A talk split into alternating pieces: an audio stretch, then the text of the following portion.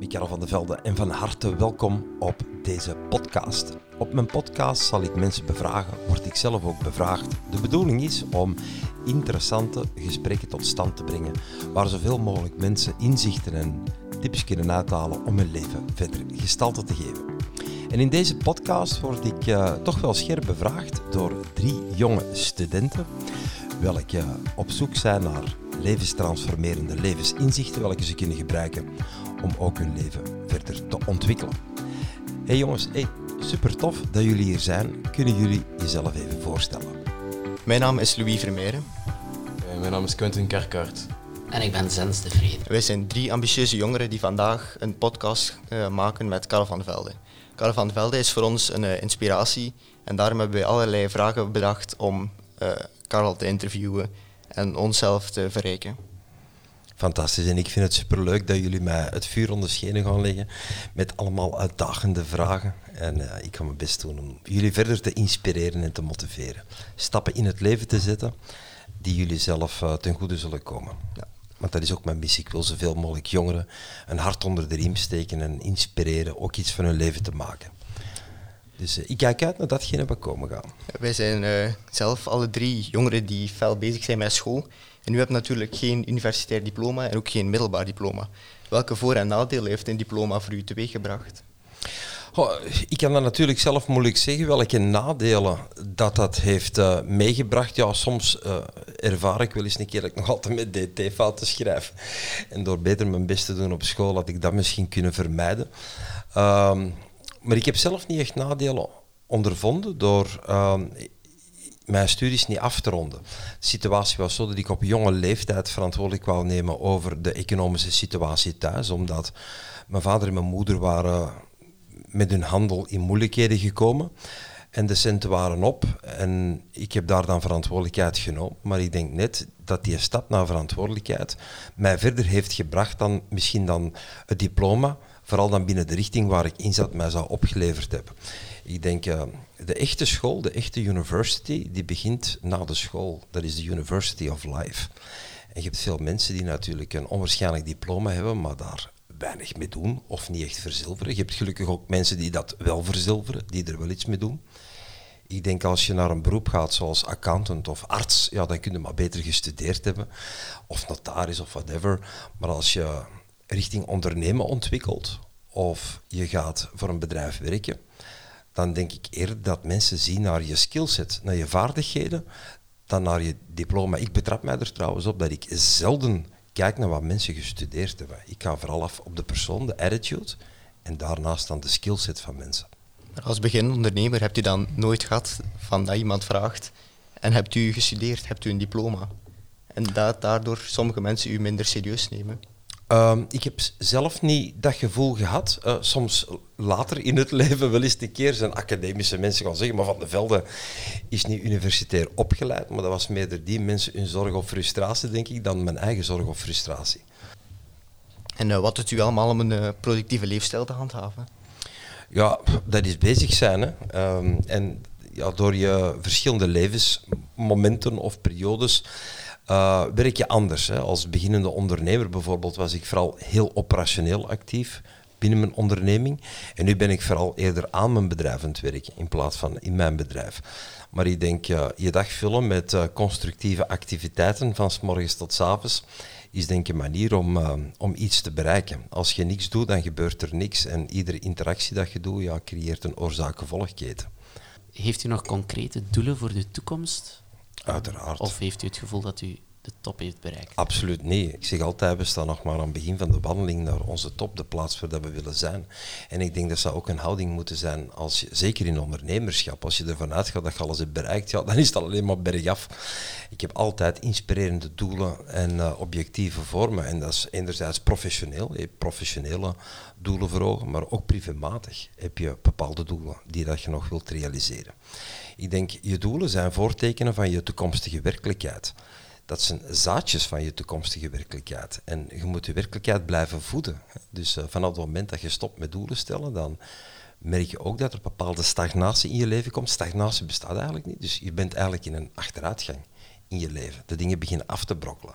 Maar door te bouwen en te focussen op groei en vooruitgang, dan eh, zet je ook jezelf in beweging richting groei en vooruitgang. Persoonlijk maak ik altijd engagementen dat mij altijd minstens voor een hele lange tijd in beweging houdt. Eh, Bijvoorbeeld, eh, je investeert in een vastgoedproject. Oké, dat betekent dat je misschien nog wel wat jaren actief moet zijn om, om een en ander mooi rond te werken. Dus ik zit me altijd in een situatie dat ik moet blijven vooruitgaan. En dat zijn dan mijn doelen en mijn objectieven. En wie is uw voorbeeld hierin? Goh, ik heb veel voorbeelden en die voorbeelden die zijn ook heel veranderlijk door de tijd. Ehm, in het begin van mijn carrière waren mijn voorbeelden vooral succesvolle Vlaamse ondernemers die reeds hadden gerealiseerd wat ik graag wou realiseren. En dat waren dan misschien niet de bekendste mensen, maar dat waren wel mensen die ergens stonden met hun bedrijf. Uh, toen ik uh, sprekerscarrière ben begonnen, ik ben er eigenlijk onverwacht ingerold, want ik had een angst voor te spreken in het openbaar. Dan ben ik gewoon gaan kijken, wie zijn nu de meest succesvolle sprekers in de wereld? En dan werd dat bijvoorbeeld tijdelijk mijn rolmodel. Bijvoorbeeld Anthony Robbins, een zeer succesvolle spreker in de wereld, die een bijzondere impact maakt. Ben die man zeven jaar gaan bestuderen.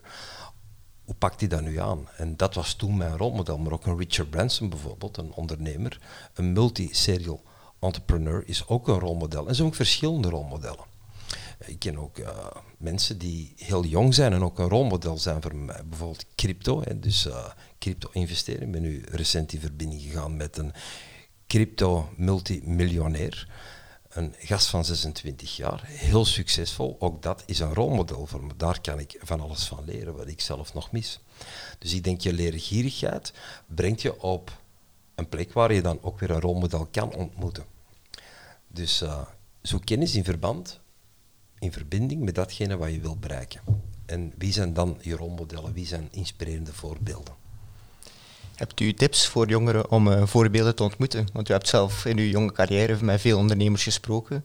Hoe kan een jong iemand tot zo'n mensen toegang zoeken? Uh, onderneem actie. Uh, begin met een telefoon of een mail te sturen. Zo zijn jullie hier ook terechtgekomen. Ik denk dat succesvolle mensen best wel benaderbaar zijn. Ik, dat is ook een van mijn overtuigingen, dat iedereen benaderbaar is. Dat je maar een paar mensen verwijderd bent van iedereen. Als je morgen bij wijze van spreken Elon Musk zou willen ontmoeten, dan kan dat. Als je daar genoeg voor doet. Als je er ook in gelooft dat dat kan. Nu, als je Elon Musk wilt ontmoeten, ja, wat gaat dan die ontmoeting tot stand brengen voor jou? Dat is een vraag dat je eigenlijk eerst moet stellen.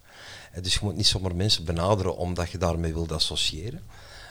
Je moet weten waarom dat je connectie wilt maken met die mensen. En dikwijls staan die mensen daar dan wel voor open. Ik heb er ook een stukje over geschreven in uh, mijn boek 10 stappen naar succes en geluk, hoe dat je rolmodellen uh, kunt benaderen en vinden. Zorg ook dat je rolmodel een meerwaarde ervaart bij je interventie, bij je interactie. Dus u gelooft wel degelijk dat iedere persoon op aarde beschikbaar is om mee te spreken over zijn of Goh, de realiteit is natuurlijk dat een ene mens misschien iets minder makkelijk benaderbaar is dan, dan een andere persoon. Maar in mijn ervaring uh, bereik je relatief makkelijk mensen als je je mind erop zet en je creëert de gelegenheid, de opportuniteit. En veel mensen doen zelf de moeite niet. Allee, bijvoorbeeld was altijd een van mijn... stond op een bucketlist om ooit eens Al Pacino te ontmoeten. Hè. Dus uh, die mens is niet echt gemakkelijk te benaderen. Nu toevallig zit ik in Californië, omdat ik daar een seminar aan het organiseren was voor een grote groep Vlaamse ondernemers. Zit ik in een restaurant en die mens zit twee tafels naast mij. Ja, op die moment is het moment daar, is de opening daar, om een interventie te creëren. Ik heb die mensen een koffie getrakteerd, ik heb er kort een babbel mee kunnen doen en voilà, dat was van mijn bucketlist. Nu, dan kun je zeggen dat is toevallig. Nee, ik geloof niet dat dat toevallig is. Ik geloof dat je in aanloop een aantal beslissingen neemt die dan die toevalligheid misschien dan tot stand brengen. Ik ben toevallig wel gaan eten in een restaurant waar ik op voorhand van wist dat daar bekende mensen kwamen. De eigenaar van het restaurant is een kennis van me. Uh, ik weet dat hij een groot netwerk heeft, dus ik wist dat ik daar de kans ging verhogen om al eens een keer eens iemand interessant tegen te komen. Um, dus u gelooft wel degelijk in een soort van law of attraction? Uh, de wet van de aantrekking, ja, absoluut. Ik, uh, ik, geloof dat er, dat er, de, ik geloof dat er meer is tussen hemel en aarde dan we allemaal begrijpen, maar ik geloof wel vooral in je Reticular Activation System, je RAS in je brein. En dat is een soort van waarnemingsdirigent. Wij nemen slechts bewust een beperkt deel van onze realiteit waar. En we gaan heel veel onbewust registreren. En als je een doel hebt of je wilt iets bereiken, dan geef je eigenlijk een soort van signaal aan je reticular activation system om met je zintuigen dingen op te nemen en naar je bewustzijn te brengen, welke relevant zijn voor je. Dus je waarneming moet je sturen. Sommige mensen zitten naast succes of zitten naast een opportuniteit, maar ze zien het niet omdat ze er niet op gefocust zijn. Dus je realiteit is volgens mij waar je focus is. Dus als je naar een stad zou gaan die je niet kent en je barstende hoofdpijn en je wilt heel snel een, een, pijnstiller, dan ga je gefocust zijn, bewust gefocust zijn op een apotheek. Je moet een apotheek vinden om een pijnstiller te kopen. Op die moment ga je heel veel groen kruisen zien in de omgeving. Dat gaat je opvallen. Nu stel dat je geen hoofdpijn hebt, maar dorst en je bent gefocust op een kruidenierswinkel of een horeca-etablissement om iets te kunnen drinken, dan ga je ook die apotheken niet gezien hebben. Je gaat vooral de horeca waarnemen en de kruidenierswinkels waarnemen. Dus je waarneming wordt gestuurd door je brein. Je brein wordt ook beïnvloed door je focus, wat voor jou belangrijk is. Dus ik heb geleerd dat je je doelen, datgene wat je wilt leven, vooral constant onder je aandacht moet brengen. Daarom, als je biedt even een werkruimte inloopt waar ik hier op de company zit, dan zie je een volledige muur met allemaal gold trees tegen. Ik ben constant gefocust op mijn doel, omdat ik weet dat ik zo mijn waarneming beïnvloed. Ik ga gemakkelijker opportuniteiten waarnemen die in verbinding staan met mijn toekomstige gewenste werkelijkheid. Maar het omgekeerde is toch ook waar dat juist op het moment dat je er niet naar zoekt, er zich altijd oplossingen aandienen die dan bij toeval ontdekt of vindt? Ja, daar hangt er dan vanaf wat jouw definitie van toeval is. Mijn definitie van toeval of geluk hebben. Ik zeg altijd, geluk is een samenloop van gunstige omstandigheden, welke we meestal bewust of zelf onbewust zelf hebben beïnvloed. En dat is dan ook pech, tegenslag, is ook een samenloop, maar dan van ongunstige omstandigheden, welke we meestal zelf op bewust of onbewust niveau hebben beïnvloed. We hebben er zelf voor gekozen. Want je hebt een aantal in aanloop beslissingen genomen welke je in een bepaalde situatie brengt. Nu, het leven heeft soms een andere timing in gedachten dan dat jij in gedachten heeft. Dus je kunt vandaag op iets gefocust zijn en daar naartoe leven en het gebeurt niet, maar het gebeurt met een interval wel later. Of het komt vroeger tot stand dan dat je verwacht. Dus het leven heeft soms een heel bizarre, bizar gevoel voor timing. En dat is dikwijls anders dan dat wij zelf in gedachten hebben. Ehm, en gelooft u dan bijvoorbeeld als iemand continu zijn focus legt op de euromillions te winnen, dat er ook een mogelijkheid bestaat om dat effectief te winnen?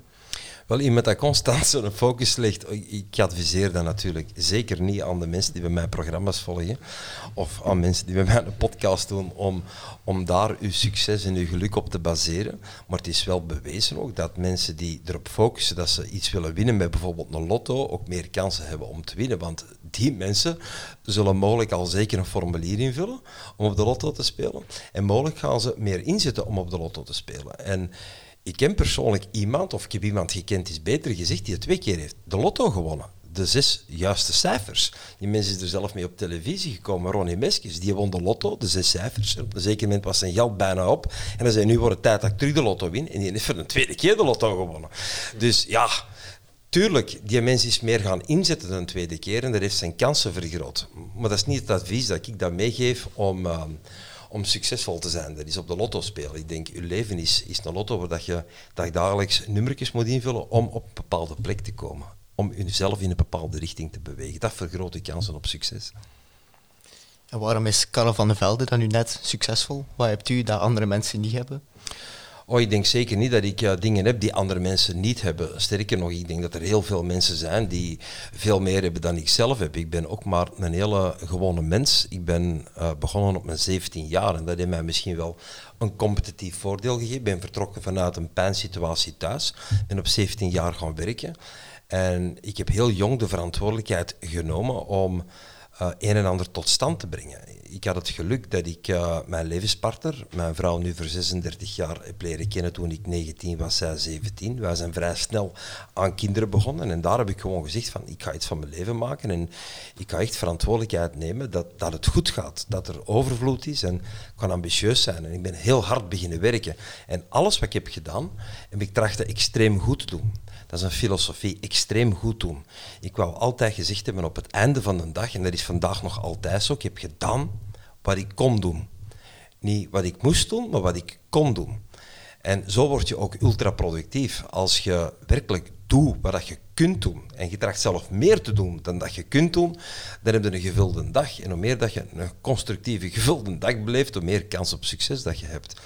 En je cultiveert jezelf in het proces. Hoe meer dat je doet, hoe meer ja, tegenslag je ervaart ook.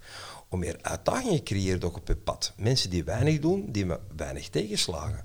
Die met weinig blokkades en hindernissen, want ze doen weinig en ze verwachten misschien weinig van het leven. Maar als je veel verwacht en veel doet, dan kom je constant in leerervaringen die ook weer beter maken. Daar leert je van. Die versterken je uiteindelijk. Ondanks dat het heel oncomfortabel soms is in een moment, het versterkt u in het proces. Dus ik denk dat ik niet zo verschillend ben van heel veel mensen. Ik denk dat ik gewoon voor mezelf dan hard heb gewerkt en de dingen ook met grachten heb gedaan. Maar als je dan een gezin hebt, dan is er toch ergens altijd dat stemmetje in je hoofd dat altijd voor de veilige optie gaat willen kiezen. Om je gezin niet in de kou te zetten. Is het niet veel makkelijker als alleenstaande uh, ondernemer om, om, uh, om, om risicovolle en op langere termijn succesvollere keuzes te maken? Ja, ik denk, goh, um, op jonge leeftijd uh, stond ik voor de keuze. Ik ga nu stagneren met mijn handel. Ik was een beginnende ondernemer. Ik was denk ik op dat moment vier jaar bezig. Mijn bottleneck was mijn bedrijfspand. Dat was te klein. Dus ik moest meer mensen in dienst nemen om te kunnen schalen en groeien. Maar mijn bedrijfspandje was uh, te klein. En mijn doel was toen een onwaarschijnlijk grote industriebouw. Dus een groot fabriekspand met toonzaal ervoor. En. Maar dat kost natuurlijk een investering. En die investering was zodanig groot, toen voor mij, dat ik het gevoel had van ja, nu zet ik echt alles op het spel. Want toen moest men nog 11% interest bij de bank betalen op je hypotheek. En ik wou ook zoveel mogelijk lenen om dat te kunnen waarmaken. En ik moest gewoon al mijn omzet verdubbelen om gewoon überhaupt mijn hypotheek te kunnen terugbetalen. Dus ik moest verdubbelen in omzet om gewoon al voldoende centen te creëren om de hypotheek, spreek nog niet van de rest van de kosten, te kunnen betalen. En dat maakte mij toch wel wat angstig. Vooral dan denk ik, ja, omdat je hetgeen dat je hebt opgebouwd op het spel zet. Maar ik had nog niet zo heel veel opgebouwd, dus ik had eigenlijk weinig te verliezen. En ik ging het aan de mensen vragen in mijn omgeving, wat denken jullie ervan? Wat zouden jullie doen? En de meeste mensen die kregen schrik in mijn plaats. En toen vroeg ik het eens een keer aan een hele succesvolle ondernemer, dat was toen een miljardair in Belgische franken. En die man die zei van, Karel, weet, succes verwerven, dat betekent risico's nemen. En risico's nemen, dat boezemt mensen angst in. De persoon die het beste in staat is zijn angst te overwinnen, durft de meeste risico's te nemen en heeft het meeste kans op succes. En toen ben ik nogmaals gewoon rekenen wat ik moest doen en we hebben die stap gezet. En weet je, als je dan onderweg bent, is even gewoon niet gemakkelijk gegaan. Er zijn maanden geweest dat ik echt moest krabben om mijn rekeningen te kunnen betalen. Maar ik heb het pand wel afbetaald op 15 jaar. Ik heb het later succesvol kunnen verkopen. Voor veel meer dan ik het heb aangekocht. Dus soms moet je gewoon durven. Je moet wel verantwoorde risico's nemen. Ik denk, je moet een goed plan hebben. Dat is belangrijk, zeker als je gaat ondernemen. Je moet uh, met cijfers om kunnen. Je moet weten wat je te doen staat. En je moet ook bereid zijn om dan in het proces hard te werken. En als het even moeilijk gaat, om ook echt constructief door te zetten. En dan komt er wel. Ik denk als je risico neemt, dan, dan... Je doel moet, denk ik, ja, fantastisch zijn. Het moet inspirerend voor je zijn, maar het moet ook realistisch zijn. Als je morgen gaat zeggen, ik ga wat investeringen doen om morgen, ik zal zeggen, 100 miljoen bij elkaar te werken en je hebt vandaag 5 euro per rekening, dat is misschien niet realistisch. En dan ga je misschien dingen doen die onverantwoord zijn. Hoe vindt u dan de juiste mensen om u te helpen bij het verwezenlijken van uw doel? Hoe vind je dat? Ja, die komen op je pad als je, als je daar open voor staat. Hè. Dus ik ga altijd... Bedoel je medewerkers op... Uh, medewerkers, mensen die kunnen helpen om naar uw doel toe te werken. Um, ik heb nooit eigenlijk een uitdaging gehad om in het vinden en binden en ook boeien van de juiste mensen. Als je een duidelijke visie hebt op de toekomst en je hebt inspirerende doelen en je zet dan een vacature uit en mensen komen bij jou, dan, dan voelen ze die connectie wel. Ze voelen ook dat ze onderdeel kunnen zijn van iets groter. En ja, die mensen blijven dan voor een tijd en die zetten hun skillset en hun attitude, hun persoonlijkheid ook in, om, om je verder te brengen. En sommige mensen doen dat voor een hele lange tijd en sommige mensen gaan zich daarna terug heroriënteren. Dus ik denk dat je als ondernemer constant moet uitkijken naar, naar mensen die, die talentvaardig zijn en die de juiste persoonlijkheid hebben. En ik kijk in eerste instantie altijd naar de persoonlijkheid en dan naar de skillset. Ehm, ja, ik ben momenteel eigenlijk op zoek naar antwoord op mijn persoonlijk leven. Eh, want ik ben juist gaan beginnen studeren. Ik heb een job in de sales en zo, een vriendin, veel vrienden. En soms is het moeilijk om alles te combineren en onder druk te presteren. En dus mijn vraag aan u, heeft u zelf tips om met druk om te gaan? Um, God, met druk. Je moet wat druk kunnen verdragen in het leven. Ik denk, we leven vandaag in een maatschappij waar dat mensen eigenlijk druk willen ontmantelen en druk willen ontwijken. Ik denk, constructieve druk kan ook heel goed zijn. Ik presteer persoonlijk goed onder druk.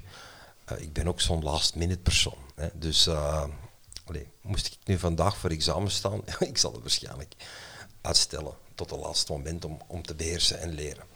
Dus ik heb persoonlijk die druk wel nodig. Er zijn mensen die minder goed met druk om kunnen. Je vraag was een beetje dubbel. Um, ervaar ik. ik. Hoor ook dat je een beetje zoekende bent. Waar moet ik mij naartoe kanaliseren? Als ik juist ben, is, voel ik dat aan? Ja, min of meer wel, maar al die zaken zijn eigenlijk ook prioriteiten. Het is heel moeilijk om echt iets af te snijden op wat ik mij ga focussen. Ik wil het eigenlijk allemaal kunnen combineren. En dat is dan moeilijk omdat je anders ja, te veel op één ding focust en het andere eigenlijk laat vallen. En daarom zorgt dat vaak voor druk. En ik zou er eigenlijk mee willen leren omgaan. En vandaar mijn vraag. Oké, dus, dus meer een overtuiging hè, dat het is of-of. Nee, ik denk dat eerder en-en is. Je kunt een fantastische relatie hebben en daarnaast u onwaarschijnlijk smijten in uw studies en daarnaast nog een bijjob hebben. Ik denk dat dat perfect te combineren is. Mogelijk hadden we wat minder ruimte hebben voor andere dingen. Hè. Dus eh, is een moment dat je misschien wat minder tijd gaat hebben om een feestje te maken. Er gaat eens een moment zijn dat je zegt, nu ga ik me toestaan om te feesten, maar dan moet ook weten wanneer dat feest stopt en dat je terug proactief aan de slag gaat om je doelen te realiseren. Ik denk dat je keuzes moet maken. En hoe jonger in je leven dat je de juiste keuzes kunt maken, hoe gemakkelijker dat je ook kunt evolueren in je leven. En alles is richting kiezen. Wat wil je doen? En mogelijk gaat er wel in de toekomst van richting veranderen, maar kies wel een richting kies wel een bestemming waar dat je wilt zijn. Stel jezelf ook in vraag. Waar heb ik aanleg voor en wat doe ik graag? En als je morgen kunt doen wat je graag doet en je kunt dat ook goed doen, dan zit je natuurlijk talent en dan kun je onwaarschijnlijk veel bereiken. Ik denk ook dat je dingen moet doen waar je zelf verkiest. Want dikwijls laten we ons beïnvloeden door onze omgevingswereld. Hè. Dus uh, mogelijk je opvoeders, je ouders zeggen van, ga die richting in. Mogelijk zegt uw vriendin, je kunt beter zo leven, je kunt beter dat doen. Mogelijk zeggen uw vrienden dan weer iets anders. Maar het gaat erom wat jij wilt. En als je eigenlijk onconditionele beslissingen kunt nemen die in verbinding staan met je natuurlijke ware aard, wat jij wilt, ik denk dat je dan op het juiste pad zit als je laat sturen en beïnvloeden door derden, door buitenstaanders, die dikwijls onwaarschijnlijk goed menen met ons, dan gaan we dikwijls een pad op van een ander en dan ervaren we dikwijls druk, omdat dat onze weg niet is. Dat is niet ons pad. Hè. Bijvoorbeeld, ik ga een simpel voorbeeld geven. Stel, uh, je vader heeft een slagerij. En die zegt van, voilà, je moet nu studies doen en zo snel mogelijk in de slagerij komen werken. En dan kunnen de slagerij overnemen. Maar uw hart zegt van, nee, ik wil in de sales. Ik wil voor een bedrijf werken. Ik wil salesmanager worden. En dat is uw ding. En je gaat dan toch die studies volgen om in de slagerij te staan. Ja, dan krijg je een ongelukkige slager op. Zeker moment je er vroeg of laat mee gaat stoppen. Ik denk dat je zo snel mogelijk je eigen kern, je eigen natuurlijke ware aard moet volgen. En die richting cultiveren. Maar zijn wij op jonge leeftijd al geschikt genoeg om zo'n grote levenskeuze te maken? Ik ga mezelf als voorbeeld nemen. Tot een paar jaar wou ik dolgraag advocaat worden. Ik heb nu totaal geen zin meer om advocaat te worden. Dus waarschijnlijk zou ik op mijn 40 jaar zoiets hebben van... Wat voor een keuze heb ik niet gemaakt als mensen uh, rondom mij mij dat niet zouden afgeraden hebben. Of mij daar een context rond zouden geschetst hebben. Oh, je denkt, wat is je leeftijd nu vandaag? Ik ben nu 19. 19. Ik denk dat op je 19 jaar uh, niet evident is om, om te zeggen wat je wilt. Er zijn jongeren die perfect weten wat ze willen op hun 19 jaar. Maar dat is niet evident om dat nu al te bepalen. En ik denk dat dat ook niet zo belangrijk is. Ik denk dat je vooral je hart nu moet volgen. Dat, die richting wil ik. En dat kan van richting veranderen. En je hebt de flexibiliteit, denk ik, in het leven om van richting te veranderen. Ik denk succes zit hem ook in de mate dat je flexibel kunt zijn. Dat je kunt adopteren op de omstandigheden en jezelf kunt bijsturen. En weten, als je rechten studeert en je gaat voor advocaat, wel heel cool. Weet je? Ik, ga dat eens een keer doen, kon die studie afmaken. Maar het is aan jou om te beslissen wat je er dan later mee gaat doen. Uh, het is niet zo dat dan je pad voor altijd is gecreëerd. Je kunt erna zeggen, ik heb bijvoorbeeld een goede klant van mij, is een advocaat, die is een toog aan de kapstok gangen en die heeft nu ga ik ondernemen, want dan heb ik veel meer vrijheid als mens. Dus dat kun je perfect doen. Het voordeel is dat wel dat je die kennis die dat je daar hebt opgedaan, mee hebt in je ondernemerschap als je dan wilt gaan ondernemen. Het kan ook zijn dat je vandaag ondernemer bent, dat je zegt van, oh, dat is niks voor mij, dat is te veel onzekerheid. Ik uh, leg mijn boeken neer en ik ga lekker op een bedrijf werken in een bepaalde functie waar ik mij supergoed bij voel. Dat is ook helemaal oké. Maar volg wel je eigen natuurlijke ware aard en tracht die zo snel mogelijk te ontdekken. Dus uh, doe vakantiewerk, ga, ga met iemand meelopen, en dat is ook een tip dat ik je meegeef. Ga eens meelopen, bijvoorbeeld met een succesvolle advocaat, om te proeven hoe dat, dat is, hoe dat, dat leven eruit ziet hoe het dat beweegt. En mogelijk ga je zeggen van ja, deze vind ik gewoon inspirerend, dat vind ik tof. Mogelijk ga je zeggen van oh nee, dat wil ik de rest van mijn leven niet doen. En dan kun je de keuze bijstellen. Oké, bedankt. Je had daarnet vermeld dat het ondernemerschap veel risico's met zich meebrengt. Heeft u zelf al risico's genomen met een foute afloop?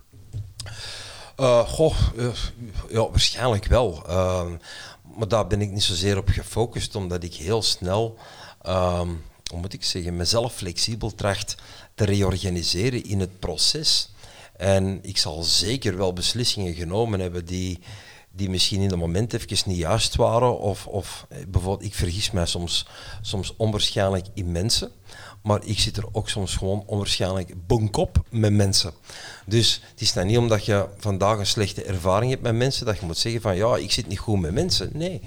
Uh, ja, dat is, kijk je doe en je moet niet zozeer zien van, oh, wat is nu mislukt. Nee, ik denk dat alles een leerervaring is en dat je beter en slimmer maakt in het proces.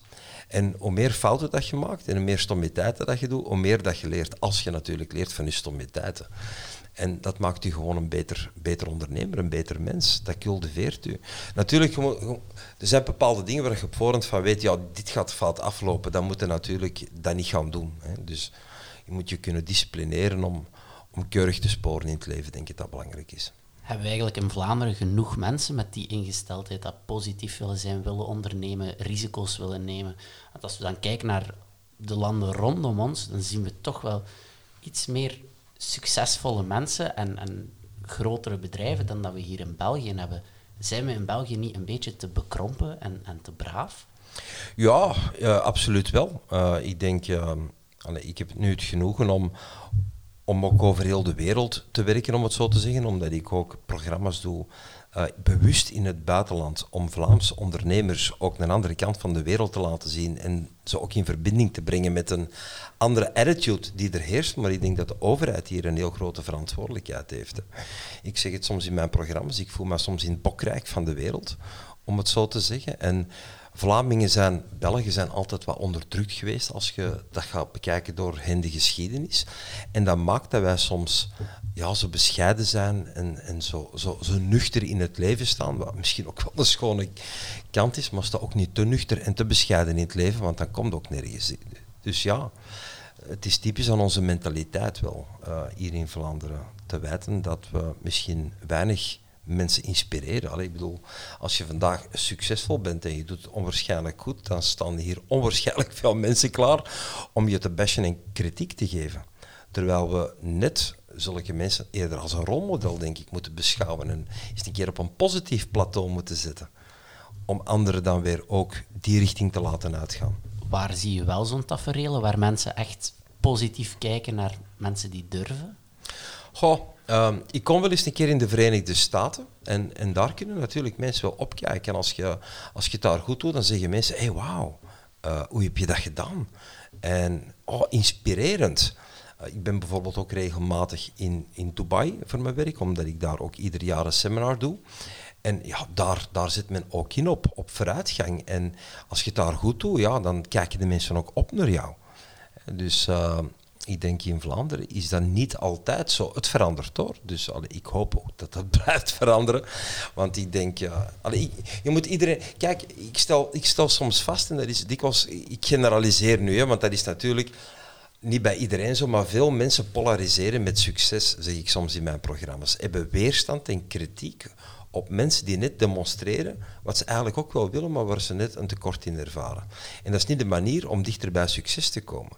Persoonlijk als jonge snaak, toen ik met mijn heel oude auto reed, dat heel weinig gekost, uh, keek ik op naar mensen die met een schone auto reden. En dan ging ik daar echt een compliment naartoe geven. En als ik aan het tankstation kwam en stond iemand met een mooie wagen, dan, dan ging ik er echt naartoe en zei, mooie uitvoer, mooie combinatie hebt u samengesteld, prachtige wagen, mijn complimenten.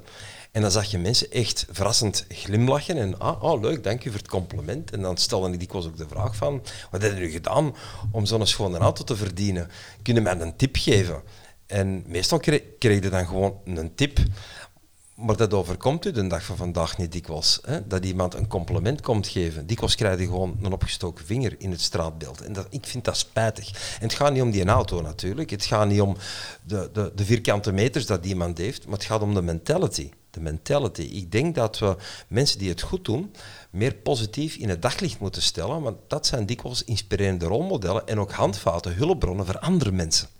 Toch? Is ook een eigenschap van uh, succesvolle ondernemers. Het gunnend zijn naar andere mensen toe. Ah ja, natuurlijk. Ja. Want je kunt niets bereiken waar je weerstand op hebt. Want je gaat je onbewust saboteren als je weerstand hebt op bepaalde dingen.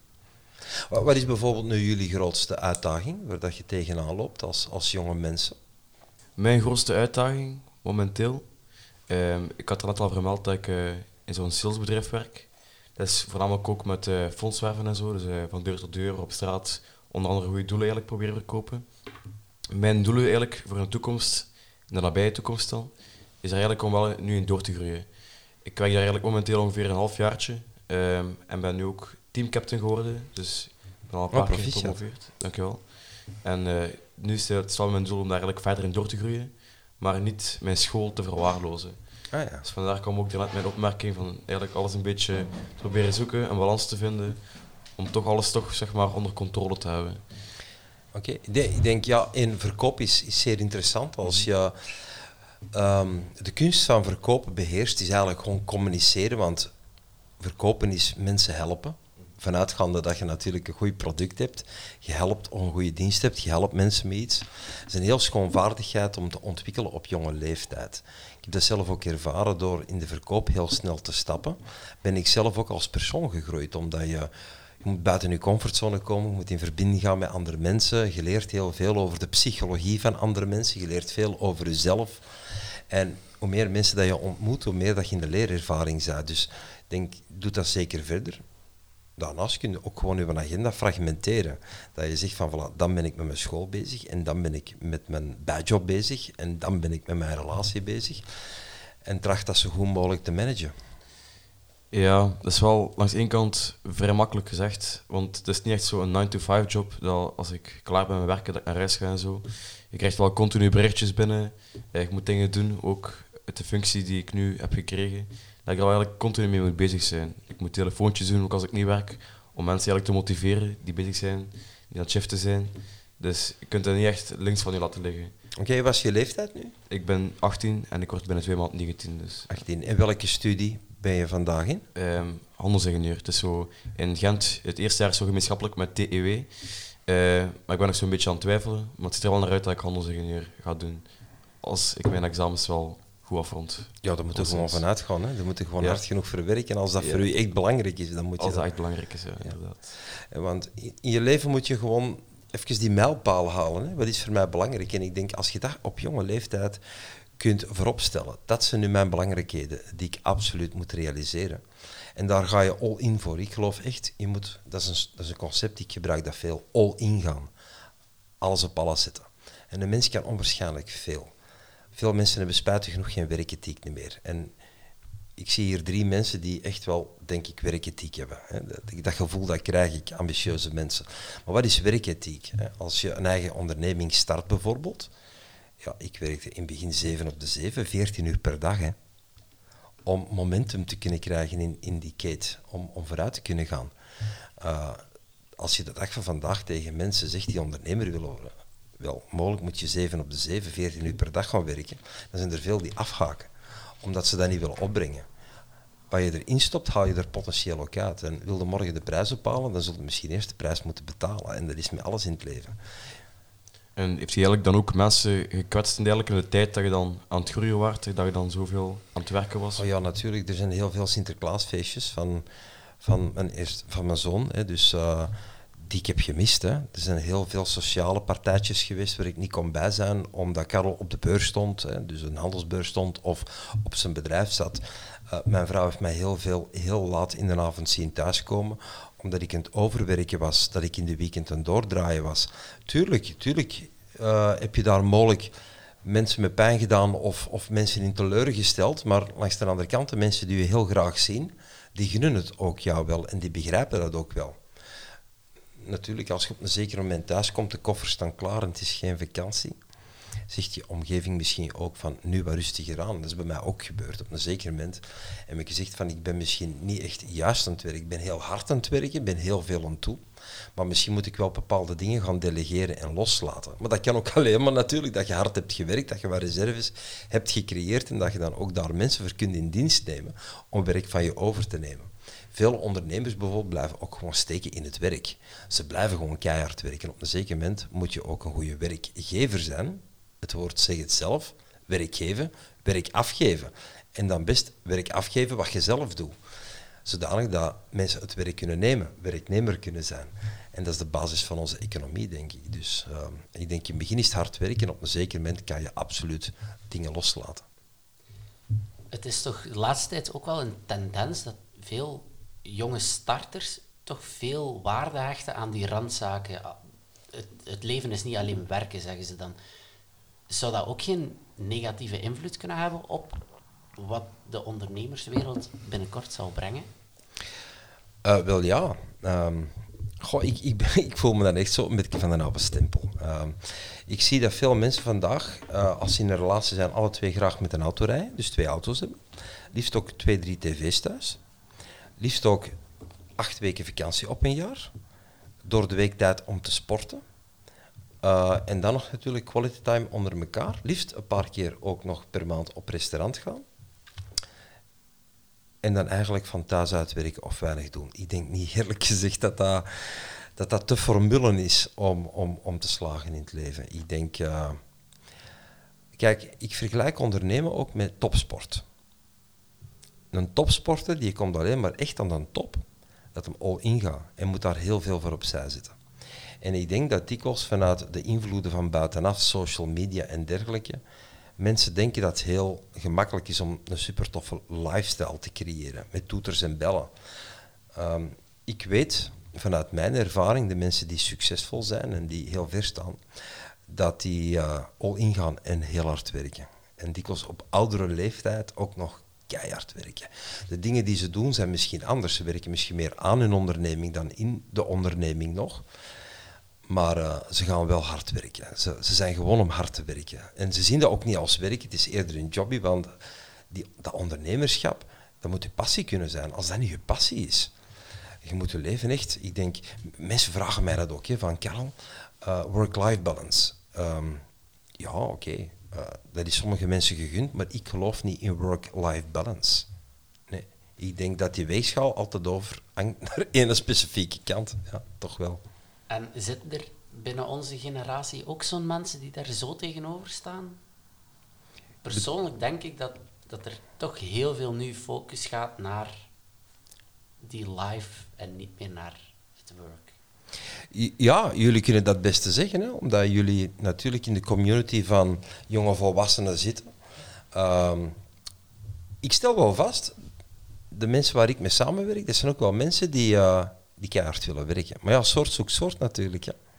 Ik vertel dat ook gewoon tegen mensen die aansluiten op mijn company. Ik, uh, ik ga all in en kijk, in, in de keuken van dit restaurant wordt hard gewerkt. En dat doen we ook met een reden. We willen iets bewegen. En persoonlijk, ik heb een missie. Ik heb verschillende missies. Maar mijn missie is, en niet dat die voor jullie belangrijk is, maar, maar ik ga ze delen en dan wil ik daaraan koppelen waarom dat ik de dingen doe die ik doe en hoe dat ik mensen uiteindelijk kan mobiliseren om daartoe bij te dragen. Het is mijn missie om ondernemers te helpen naar meer omzet, meer winst, meer inkomen, vrijheid en levenskwaliteit. En dat is, daar gaan we voor. En de mensen die aansluiten bij mijn organisatie die willen ook ondernemers helpen naar die zakelijke doorbraak. Die willen die ook in meer comfort brengen.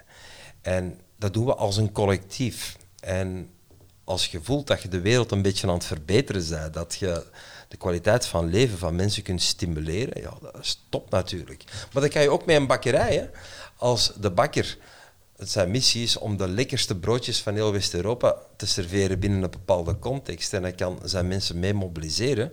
Dan gaan die mensen ook hard werken. Dat doet ook een topkok. Die moet ook zo'n souschef, maar ook de afwasser in de keuken kunnen mobiliseren. En als dat een geheel is, als er een synchroniteit is in dat gevoel dat heerst, ja, dan zijn mensen bereid om mee hard te werken. En de mensen die niet hard willen werken, ja, die verdwijnen uiteindelijk vroeg of laat uit die keuken. Die haken af. Dus soort zoekt soort. En ziet u een verschil in de werkethiek van de jeugd nu en uw uh, generatie? Ja, ik denk dat de, de, de, jonge, jonge mensen van vandaag, maar, maar ook oudere mensen van vandaag, we leven in een andere generatie, we leven in een ander tijdperk. En ik wil helemaal niet bollig overkomen, maar we leven vandaag op een, uh, in een fase waar we worden afgeleid door de punkjes in ons leven. Hè. Uw, uw, uw smartphone. Punk, punk, punk. Er komen heel de dag door berichten binnen. Uh, dat bestond vroeger niet uh, toen ik jullie leeftijd had, dan was er geen gsm.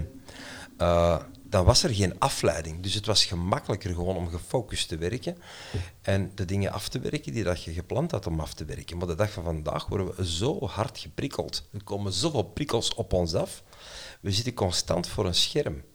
En en soms moet je die puntjes een keer afsluiten om heel productief te zijn. Dus ik denk dat de jeugd vandaag daar best wel een uitdaging in kent. En bovendien hebben we nu ook social media. En op die social media zien we natuurlijk voorbeelden van mensen die een onwaarschijnlijke levensstijl leiden en daar blijkbaar heel weinig voor moeten doen, weet dat dat ook niet altijd de realiteit is. Hè.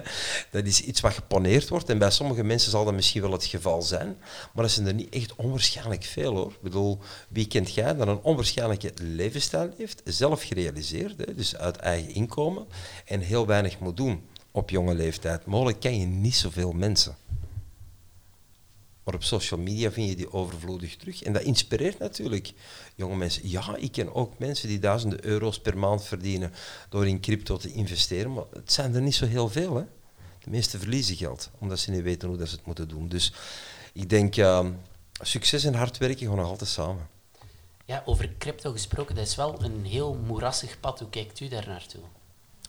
Ik denk, uh, er is meer te negeren. Hè? Ik denk, uh, waar vroeger werd, en dat doe ik zelf uiteraard ook, investeer in de klassieke bedrijven, gewoon aandelen en fondsen. Ga een heel generatie nu eerder op die cryptomarkt. Waarom? Omdat die veel dynamischer is. Die draait 24 op 24, 7 op 7.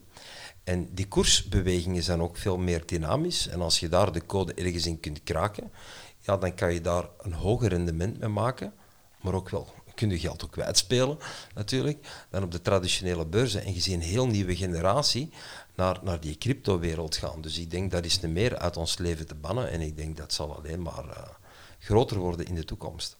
Dus die bel gaat niet open spuiten? Nee, ik denk dat niet. Ik denk dat, uh, ik heb me laten vertellen dat in 2020 was daar de tipping point, wat ga ik het nu doen? En ik denk dat uh, die crypto-wereld uh, sterker nog enorm gaat, uh, gaat versterken en vergroten. Maar welke is dan de waarde van crypto? Want als ik denk aan crypto, denk ik aan mensen die geld stoppen in een munt, dan verkopen en daar meer geld uit krijgen. Welke is dan de waarde daarvan en het, de waarde van crypto in ondernemerschap? Goh, op de cryptomarkt het creëren om waarde. Op de cryptomarkt zitten ook, denk ik, heel solvabele bedrijven waar meer achter meer achter zit dan gewoon een coin. Hè. Dus bedrijven die echt bedrijvigheid hebben en het doen, die dan net op die cryptomarkt gaan. Maar dan moet je eigenlijk eens aan een crypto-specialist vragen. Dat ben ik zelf niet en dat ga ik ook niet claimen. Ik ben er wel mee bezig en ik onderzoek het wel. En ik laat me omringen met mensen die er heel slim in zijn. Uh, maar ik denk dat, dat je dat toch in de gaten moet houden als, als jonge mensen. Ik denk, het kan een onderdeel zijn, een onderdeel zijn van je investeringsportfolio in, in de toekomst. Ja, ik hoor ook uh, recent ergens dat er geen juridisch kader is uh, voor crypto. Dus wanneer je je geld wilt innen van je cryptomunt, dat je dat gewoon niet op de bank kan zetten in gewoon normaal geld.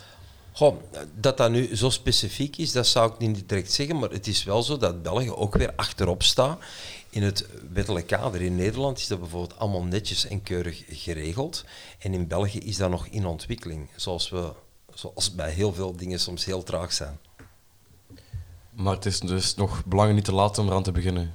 Eerst zelf een tip om er nu eigenlijk mee bezig te zijn. Oh, weet je, onderzoek de dingen en dat doe ik ook. Ik, ik tracht, er zijn drie masterskills, denk ik, dat je in je leven echt moet ontwikkelen. En de eerste masterskill is het, uh, het herkennen van patronen. Dus uh, wat zijn nu de patronen die ik vind in het syndroom dat zich voordoet? Bijvoorbeeld, je relatie is een patroon. En je hebt dus winnende patronen, maar je hebt ook destructieve patronen. Dus als je regelmatig eens een keer ruzie hebt of een dynamisch debat, oké, wat zijn daar iedere keer de triggers van? En op een zeker moment begin je patroon te zien en je herkent dat patroon, dus dan kun je er ook iets mee doen. Datzelfde met investeren. Dus als je bijvoorbeeld op de aandelenmarkt gaat, wat zijn de koersbewegingen, wat zijn de patronen die zich voordoen? Ik heb bijvoorbeeld geleerd dat je best inkoopt in een soldemoment. Wat is een soldemoment? Dat is dat de koers extreem naar beneden gaat. Bijvoorbeeld 17 maart 2020, ja, COVID-lockdown kwam, de koersen zijn naar beneden gegaan. Voor mij is dat een soldeperiode. dus dat is, uh, dat is een afwijking van de normale koers. De koersen gaan naar beneden. Zeer goede bedrijven die plotseling een heel stuk van hun waarde verliezen, ja, dat is interessant om in te kopen. En dan zie je, die koers gaat terug naar beneden en als ze hoog staat, dan moeten we verkopen. Dat zijn patronen. En als je die patronen kunt herkennen, dan kun je ze ook gebruiken. Dat is de tweede masterskill dat je moet ontwikkelen in het leven. Dat is het, het gebruiken van patronen. En zowel in de relatie bijvoorbeeld, terug dat voorbeeld, gebruik eigenlijk de triggers die ervoor zorgen dat je een magisch moment hebt, dat je een schone tijd hebt. En ontwijk de triggers dat u in ruzie brengt. Dus zo gaat de patronen gebruiken. Hetzelfde met de investeren. dus koop laag in en verkoop dat omhoog. Als je die cryptokoersen gaat bekijken, bijvoorbeeld, pak gewoon de koers van bitcoin die gaat op en neer en dat dikwijls, is dikwijls met 5, 6, 7 procent per dag. Wel, als je die patronen herkent en je gaat daarop inzetten, ja, dan kun je per dag 4, 5 procent mogelijk rendement maken, wat zich natuurlijk zeer stel, snel gaat opstapelen. En zo komen als gewoon rendementen. En zo moeten we alles in het leven bepaalde patronen trachten te herkennen en dan gebruiken. En dan de derde masterskill, die dat je dan misschien op latere leeftijd gaat ontwikkelen, dat is creëerpatronen, ontwikkelpatronen. Ik heb bijvoorbeeld een patroon ontwikkeld om succesvol te ondernemen, welk ik coach aan andere ondernemers op basis van onderzoek. Het herkennen van patronen en het gebruiken van patronen ben ik ook weer patronen gaan ontwikkelen, die dat je dan weer kunt uitdragen naar anderen en anderen kunnen die gebruiken om ook sneller in succes te komen. Dus dat zijn drie masterskills denk dat je maar best ontwikkelt op jonge leeftijd als je echt vooruit wilt komen. Is crypto ook een goede eerste stap voor een beginnende ondernemer? Om eerst met crypto kapitaal te verwerven? Of als je een ondernemer wilt worden, denk ik aan bedrijven opstarten. Daar heb je natuurlijk kapitaal voor nodig. Of is het beter om het kapitaal ergens anders te gaan halen? Goh, uh, ik denk niet dat, dat... Er is nergens easy money. Ook niet in de crypto. Want als je... Ik zal zeggen, je hebt een bepaald budget bepaalde spaarcenten en je gaat die investeren in crypto, dan gaat dan mogelijk iedere nacht wakker liggen. Omdat die koers vrij dynamisch beweegt. Ik heb geleerd dat de geduldigen verdienen geld aan de ongeduldigen.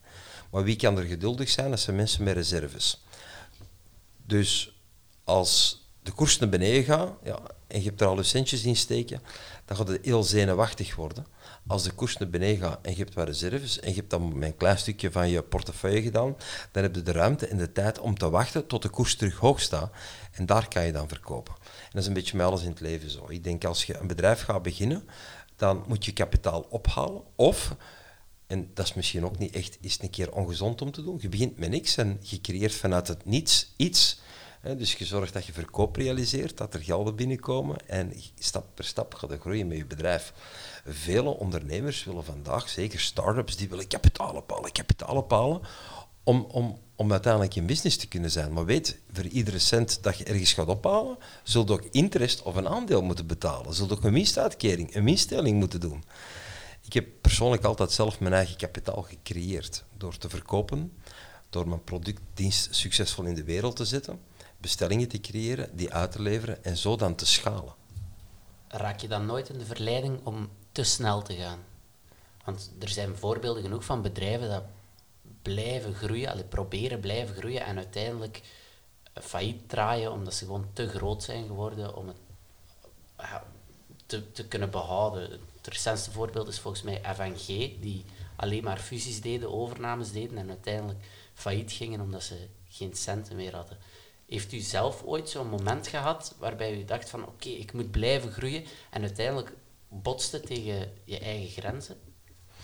Uh, nee, omdat ik heb een groeiparcours uitgezet en bij mij is dat uh, heel bewust en strategisch in functie van je huidige status. Hè. Je staat nu op een plek en ik heb daar ook een systeem, een patroon voor gecreëerd, terwijl ik coach van ondernemers.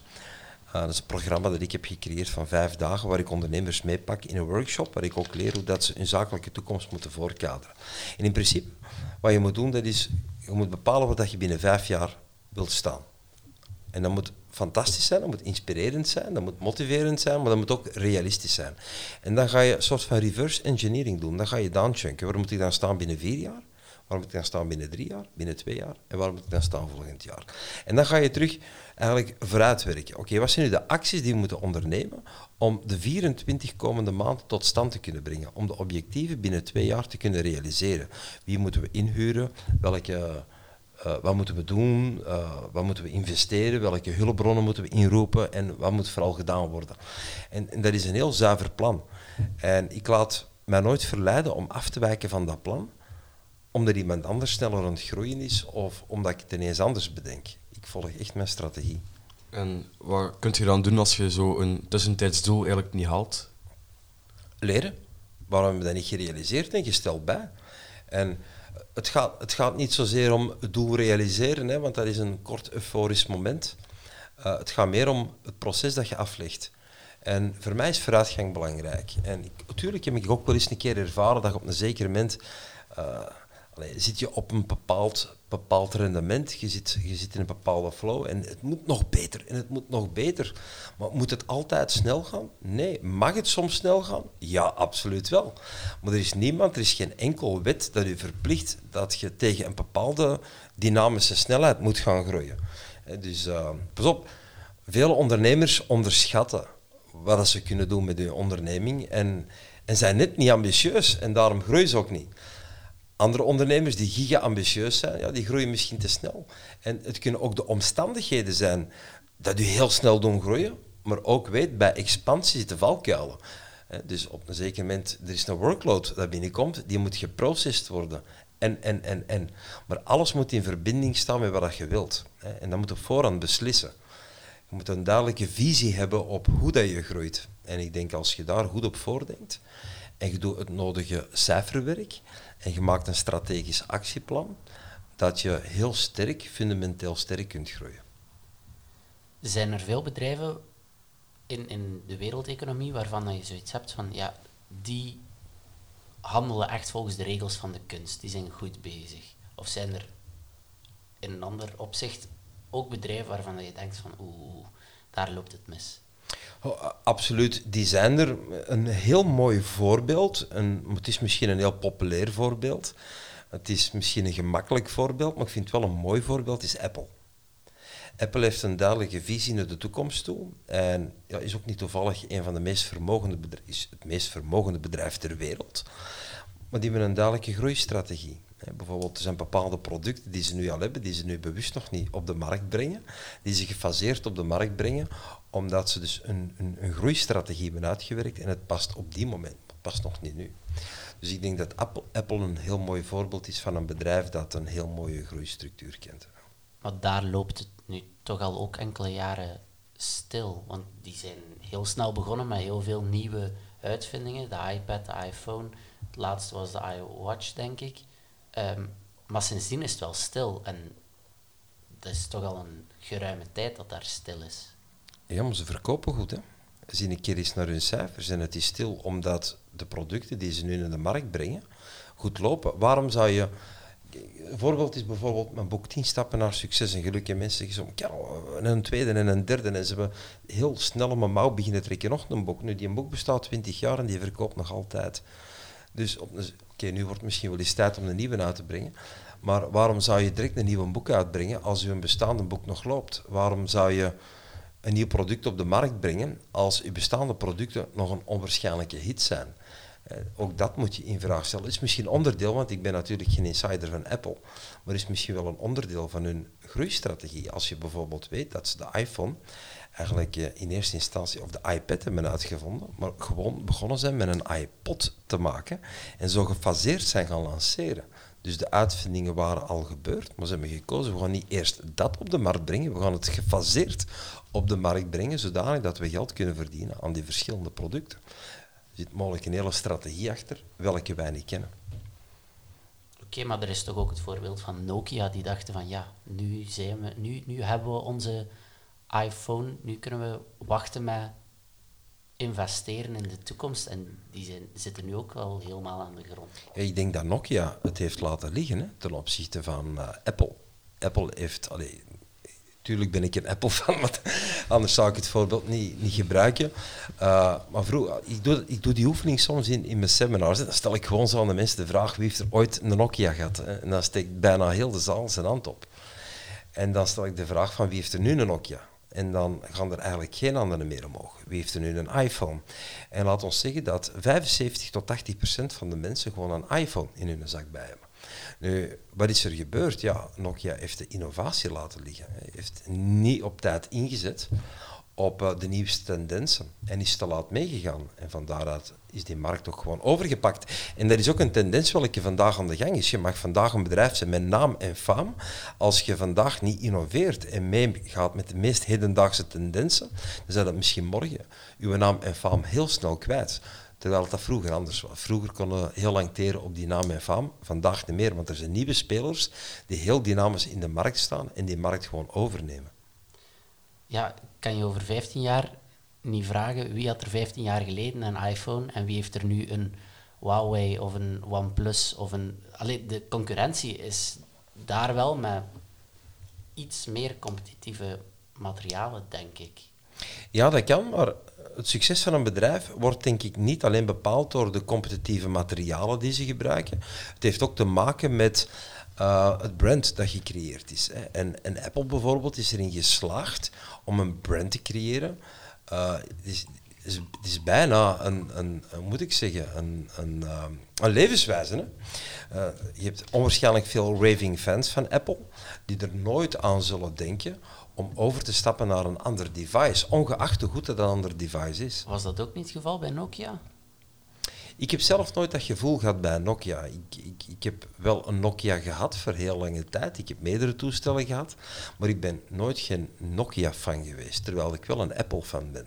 Om, op een of andere manier heeft Steve Jobs dat onwaarschijnlijk mooi in de wereld gezet. En Tim Cook, de huidige CEO van Apple, trekt die kaart echt schoon verder. Dus ik denk dat, dat Apple wel een, een, bijna een cultuur is waar dat je instapt, in plaats van gewoon een merk. Is dat dan de sleutel tot succes? Een, een soort van cultuur creëren? Ja, ik denk het wel. Ik denk dat je vandaag meer moet doen dan gewoon mensen te servicen met een product. Je moet vandaag een cultuur in de wereld zetten waar mensen willen bijhoren. En dat begint natuurlijk met waardeoverdracht. Hè. Waarde, je moet een waardig product, een waardig dienst overdragen aan je consument. Je moet heel accuraat inspelen op de noden en de wensen van mensen, absoluut wel. Maar je moet meer doen. Je moet, je moet ook een bepaalde sexiness hebben als bedrijf de dag van vandaag.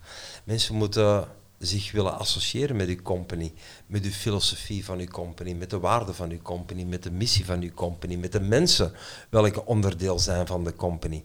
Dus het is vandaag heel veel wat je moet organiseren om je positie in de markt te behouden. En vooral inzetten op die innovatie.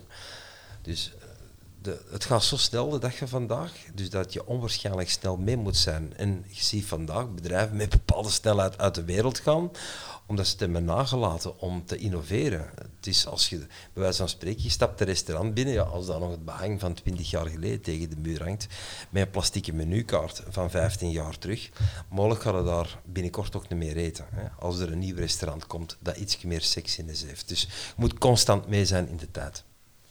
Hoe kan u dan uw waarde als bedrijf doorgeven aan uw klanten of aan de mensen? Hoe bedoel je? Als uw bedrijf bijvoorbeeld een waarde innovatie heeft, hoe kan u aan de buitenwereld laten merken dat dat een belangrijke waarde is voor uw bedrijf? Uh, doordat te demonstreren. Hè. Dus uh, bijvoorbeeld klantgerichtheid, dat is een voorbeeld. Hè. We willen klantgericht zijn. Heel veel bedrijven nemen dat in de mond. Maar in welke mate ben je dan ook klantgericht en hoe doe je dat? Wat is uw norm van klantgericht zijn? Als het enkel vriendelijk zijn is, vriendelijk de telefoon oppakken, vriendelijk goeiedag zeggen en dat is uw standaard van, uw norm van klantgericht zijn, mogelijk doe, doe je dat niet genoeg. Allee, ik ga een voorbeeld geven. Met het Karel van de Velde Training Instituut bouwen wij een cultuur. Hè. En dat begint eigenlijk, dat gaat heel ver. En, en dat begint echt ehm, heel vroeg eigenlijk.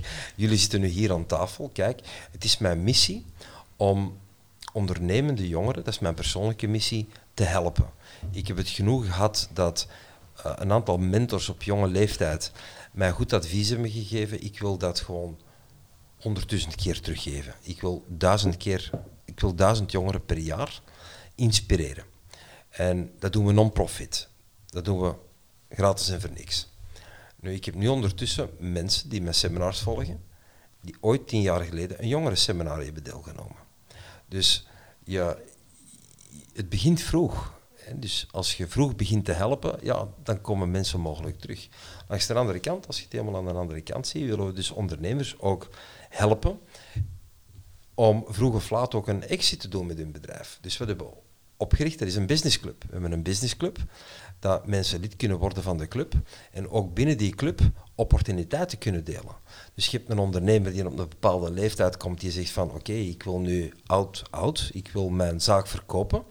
Wel, in onze community zijn mensen die zeggen van hey, ik wil je zaak misschien wel overnemen, want ik sta nog niet daar waar jij staat, ik wil nog schalen, ik wil vergroten. Dus we overkoppelen een heel spectrum van ondernemerschap en daar willen we zoveel mogelijk dienstverlening in doen en, en mensen in verbinding brengen. Dus je creëert een cultuur waar mensen willen bijhoren, welke goed is voor hun. En als je daar massief op inzet, hè, dat is een lang proces. Hè? Dat is niet zoiets van, dat doen we nu eens een week. Nee, nee. Dat is een heel lang, uh, best wel soms heel vermoeiend proces, maar, maar wel een heel uitdagend proces en een heel lonend proces. Ik denk, je succes staat in verbinding met het aantal mensen dat je helpt groeien. Of dat je bedient. Dat je helpt met iets. En hoe meer mensen dat je helpt, en hoe harder dat je helpt, hoe beter dat je helpt, hoe meer succes dat je zelf mocht verdienen. De grootste valkuil in het leven vind ik persoonlijk, dat is op je eigen gericht zijn. Je moet kunnen loskomen van eigen belang. Je moet het groter belang dienen. En als je dat voor ogen hebt, en je bent bereid het groter belang te dienen, en je wilt jezelf daar voor opzij zetten, of je wilt er onwaarschijnlijke inspanningen verleveren, dan komt u een en ander toe.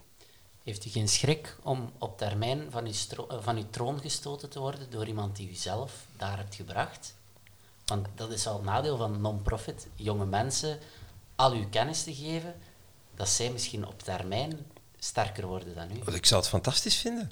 Ik zou het fantastisch vinden dat ik een aantal jonge mensen kan inspireren, die, waar ik dan kan zeggen, ah, wel, die persoon die heb ik vroeger nog geholpen. Kijk eens waar die nu staat. Zie eens hoeveel mensen dat die helpt. Ik beschouw me niet zelf als op een troon zittende. Ik ben maar een dienaar. Zo beschouw ik dat eigenlijk. Zo zie ik dat ook. En, en ik doe wat ik doe. En heel veel medewerkers die bij mij gewerkt hebben, ja, die zijn ook in de coaching gestapt en die zijn, die zijn met mijn content, om het zo te zeggen, aan de slag gegaan. En die zijn nu daar ook mensen mee te helpen. En nu kan ik mij er kwaad om maken. Ik heb dat vroeger wel eens gedaan. Van, allee, nu stelen ze mijn content en, en nu gebruiken ze mijn, mijn metier waar ik jaren heb in geïnvesteerd. En nu zijn ze er ook factuurtjes voor aan het maken. Maar ik heb geleerd in het proces dat je dat eigenlijk los moet laten. En dat je moet zeggen van, oké, laat die mensen maar doen, want die zijn ook mensen aan het helpen. En eigenlijk heb ik door die shift te maken ook gewoon gemerkt, ze, ze, warmen gewoon mijn markt op zolang dat ik dit nog doe, want vroeg of laat komen de mensen dan weer eens bij Karel terecht. En met hoe meer mensen dat je, dat je dient, ja, des te beter. Allee, eigenlijk bent u dus een soort van sociaal werker geworden. ja, zo zou het kunnen, zo voel ik mij soms. Nee, nee, absoluut niet. Maar mensen ja, overschatten ook allee, soms wat ik doe. Uh, maar ik doe de dingen gewoon vanuit een, vanuit een overtuiging en een missie. En, en dat is heel oprecht. Ik ben ook bijvoorbeeld in die seminarwereld terechtgekomen. Ik was andere dingen aan het doen vroeger. Ik had angst te spreken in het openbaar. Ik wou gewoon collega-ondernemers helpen. Ik wou medewerkers van bedrijven helpen beter presteren en, en meer resultaat tot stand brengen. En vanuit die intentie is dat allemaal vertrokken en minder vanuit kon u seminars geven. En ik zie ook, ik wil daar nog iets op zeggen, ik zie ook heel veel mensen zeggen, oh ik wil ook spreker zijn, ik wil ook op een podium staan. Nee, nee, dat is niet de manier om een sprekers carrière te beginnen. Op een zeker moment staat gewoon heel goed in iets en mensen vragen u om er iets over te vertellen. En toevallig wordt je spreker, maar je plant geen sprekerscarrière. Dat is een volledig verkeerde mindset, denk ik. Ehm, naast kennis opdoen van leren spreken, hoe bent u dan eigenlijk van die angst afgekomen, uh, van eigenlijk te gaan spreken? Ik ga je kort dat verhaal vertellen. Ehm, ik had ieder jaar een stagiair van een bepaalde school op mijn bedrijf. Ik had uh, vroeger bedrijven in de renovatiesector, met name deuren, keuken en traprenovatie. En ieder jaar gaf ik de gelegenheid aan studenten om stage te doen op mijn bedrijf. Ik maakte er ook mijn missie van dan om die jonge mensen, ik was zelf ook nog redelijk jong, om die zoveel mogelijk mee te geven. Een stukje van mijn filosofie over te dragen. En op een zeker moment krijg ik telefoon van een klastitularis die zei van Karel, kan ik eens een keer met een collega met u komen spreken in verband met de stage die u verschaft. En ik dacht bij mezelf van oei, heb ik iets verkeerd gedaan? Of zo? Ja, kom u maar af. Dus uh, die klastitularis en dan nog een collega leerkracht, die zaten plotseling op mijn kantoor. En die zei van ja, wat doet u met, met, met de studenten ieder jaar die bij u stage doen? En ik zei oprecht, heb ik iets verkeerd gedaan of zo? Nee, helemaal niet. Maar die zijn zo super gemotiveerd en plotseling pakken die hun studies op een ander niveau vast. En, en ja, die zijn veranderd. Zeg, oh, allee, dat is dan leuk om te horen. Zeg, ja, ik tracht je ook daadwerkelijk iets mee te geven. Zou je niet zo, zo eens een keer eens kunnen komen vertellen voor onze klas? En toen overviel mij een onwaarschijnlijk ongemakkelijk gevoel, omdat ja, ik had angst voor te spreken in het openbaar. En ik moest dan plotseling voor een klas gaan spreken met, met allemaal vreemde studenten. En ik wou er vanaf. Dus uh, ik, wou, ik wou eigenlijk niet buiten mijn comfortzone komen op dat niveau. Hè. Dus, en ik zei van, goh, ja, moest dat nu een heel aula vol zijn? En ja, uurtje tijd, daar kan ik weinig op dat is te kort. Dus moest dat nu een hele dag zijn en zou dat een heel aula zijn, dan zou ik dat wel doen.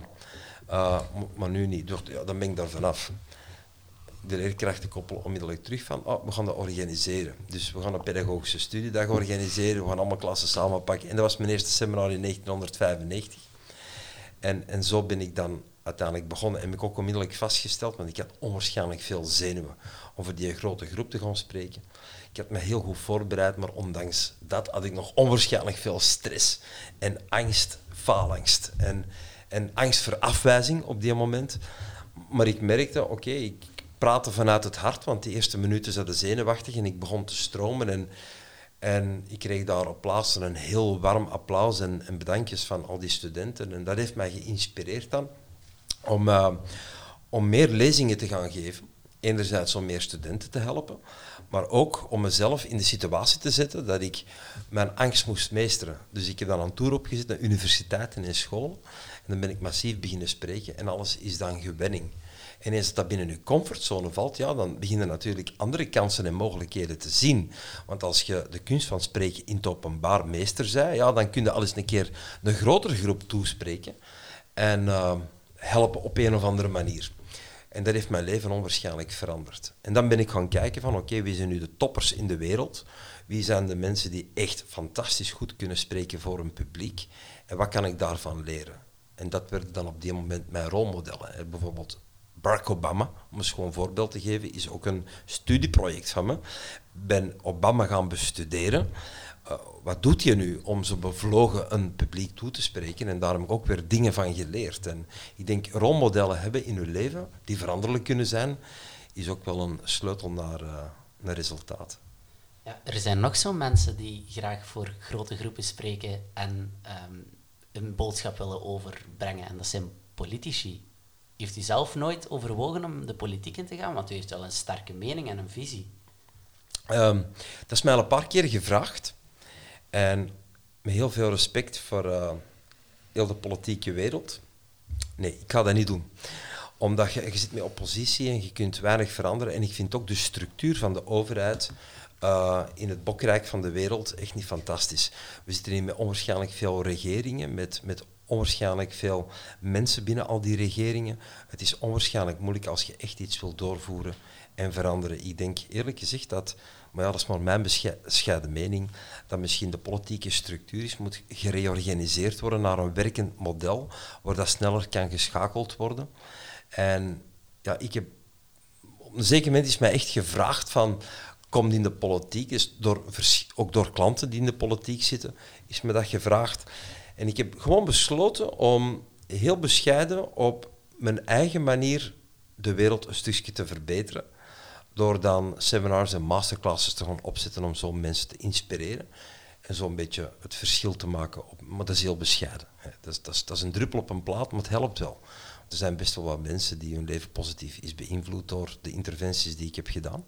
En ik kies dat om dat zo te doen. Omdat ik denk, als ik morgen in de politiek ga, ga ik veel minder invloed hebben en veel minder kunnen betekenen dan datgene wat ik vandaag doe.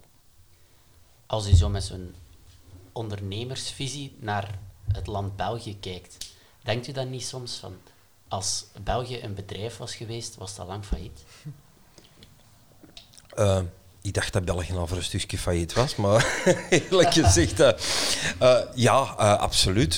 Ik, ik, als, als, je, als je zo een... En pas op, hè, de mensen die vandaag in de politiek staan, die stappen ook in een bepaalde cultuur in, die stappen ook in een bepaalde werking in. Maar die, werk moet, die werking moet eens een keer in vraag gesteld worden, denk ik, door, door heel wat mensen eh, tegelijkertijd. En ik denk dat iedereen handelt een stukje uit zijn belang dan misschien in die politiek. En je zit, je zit al in, in de cultuur van je partij waar dat je in zit. En die partij die wil aan de macht zijn. En aan de macht zijn, dat vind ik al een gevaarlijk iets. Aan de macht willen zijn. Macht is een, is een heel groot kwaad in de wereld. Mensen die verslaafd zijn aan macht, denk ik, eh, ja, dat is niet altijd gezond. Ik denk, eh, je moet willen wegblijven van macht. Als je met macht in je bedrijf wilt staan, dan lopen de mensen bij je weg. Mensen willen in je bedrijf zijn omdat ze iets willen betekenen voor de buitenwereld. Als jij morgen met macht in je bedrijf staat als ondernemer en je draagt je levert geen kwaliteit en je helpt geen mensen en je hebt ontevreden klanten, zoals er heel veel ontevreden burgers zijn in België ten opzichte van hoe dat land wordt bestuurd, spijtig genoeg, dan eh, denk ik, ja, als je, nee, als je het gaat vergelijken met ondernemerschap, het zijn twee totaal verschillende werelden. Ik denk ook dat de, de politieke structuur, hoe dat je het bekijkt de dag van vandaag, en de, de wetten en de regels niet geënt zijn op de maatschappij waar dat we vandaag in leven. Ik denk dat we onwaarschijnlijk snel moeten schakelen. De dag van vandaag willen we competitief blijven. Ehm, bent u van plan om misschien ooit in de toekomst te verhuizen naar een ander land? Ehm, omwille van het weer misschien wel, ja. En naar welk land als ik mag vragen? Oh, dat weet ik niet.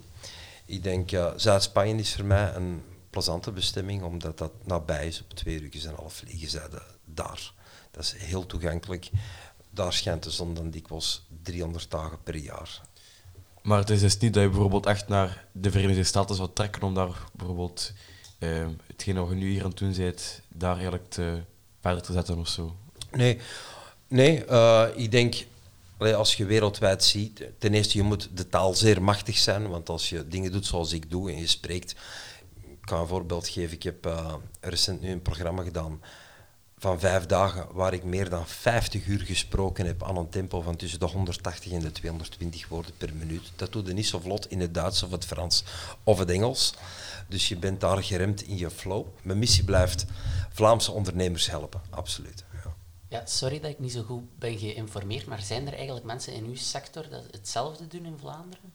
Je hebt heel veel opleidingsinstituten, je hebt veel vormingorganisaties. Uh, je hebt uh, heel gereputeerde uh, management schools en instituten die dat er zijn. En iedereen heeft zijn waarde, maar ook iedereen is anders. En ik denk dat ik ook wel anders ben. Waar ik mij dikwijls in verschil, en al tenminste dat zeggen mijn klanten, dit komt vanuit de praktijk. Ik sta met mijn twee poten in de praktijk. Ik ben zelf ondernemer en ik praat vanuit mijn eigen ervaring. Ik zal niets coachen aan mijn klanten als ik het zelf niet heb doorlopen. Want dan ben ik oncongruent. En er zijn vandaag natuurlijk heel veel mensen die spreken over iets wat ze eigenlijk zelf niet doorleefd hebben. Er zijn heel veel verkooptrainers die zelf nooit verkocht hebben. Er zijn vandaag mensen die spreken over ondernemerschap, die nooit echt succesvol een eigen onderneming hebben gehad. Als je een balans erop nakijkt, maken ze bijna verlies. Ja, dat vind ik vrij oncongruent. Dus ik denk dat ik op dat punt redelijk congruent ben. Dus als je, je mocht mijn balansen nakijken, ik denk als ondernemer heb ik het niet slecht gedaan. En ik ga het ook niet groter maken dan het is, maar ik heb het aardig gedaan en daar spreek ik over. En ik vertel ik dat gedaan heb. En dat is een congruent verhaal. En dat, denk ik, onderscheidt me dan denk ik van vele andere sprekers. Bovendien heb ik natuurlijk ook geen zittend gat en een bepaalde energie mee, die ik ook graag overdraag. Want als je gaat ondernemen, dan moet je dat ook doen met een bepaalde energie, met een bepaalde motivatie. En ik heb ook geleerd hoe dat je mensen kunt stimuleren. En de combinatie van, denk ik, is het, het, het, het resultaat, het succes dat we mogen ervaren. Ehm, als u nu zou mogen herbeginnen, uh, in deze tijd, aan onze leeftijd, zou je dan misschien wel twijfelen om te studeren? Of zou je eigenlijk gewoon min of meer dezelfde manier hebben aangepakt? Wat ik zeker zou... Uh, ik zou luisteren naar de raad die mijn vader ooit uh, gaf, die ik heb genegeerd. Mijn vader zei tegen mij van, Karel, ga in Frankrijk druiven plukken in de zomer. Dan gaat u Frans zeer goed leren.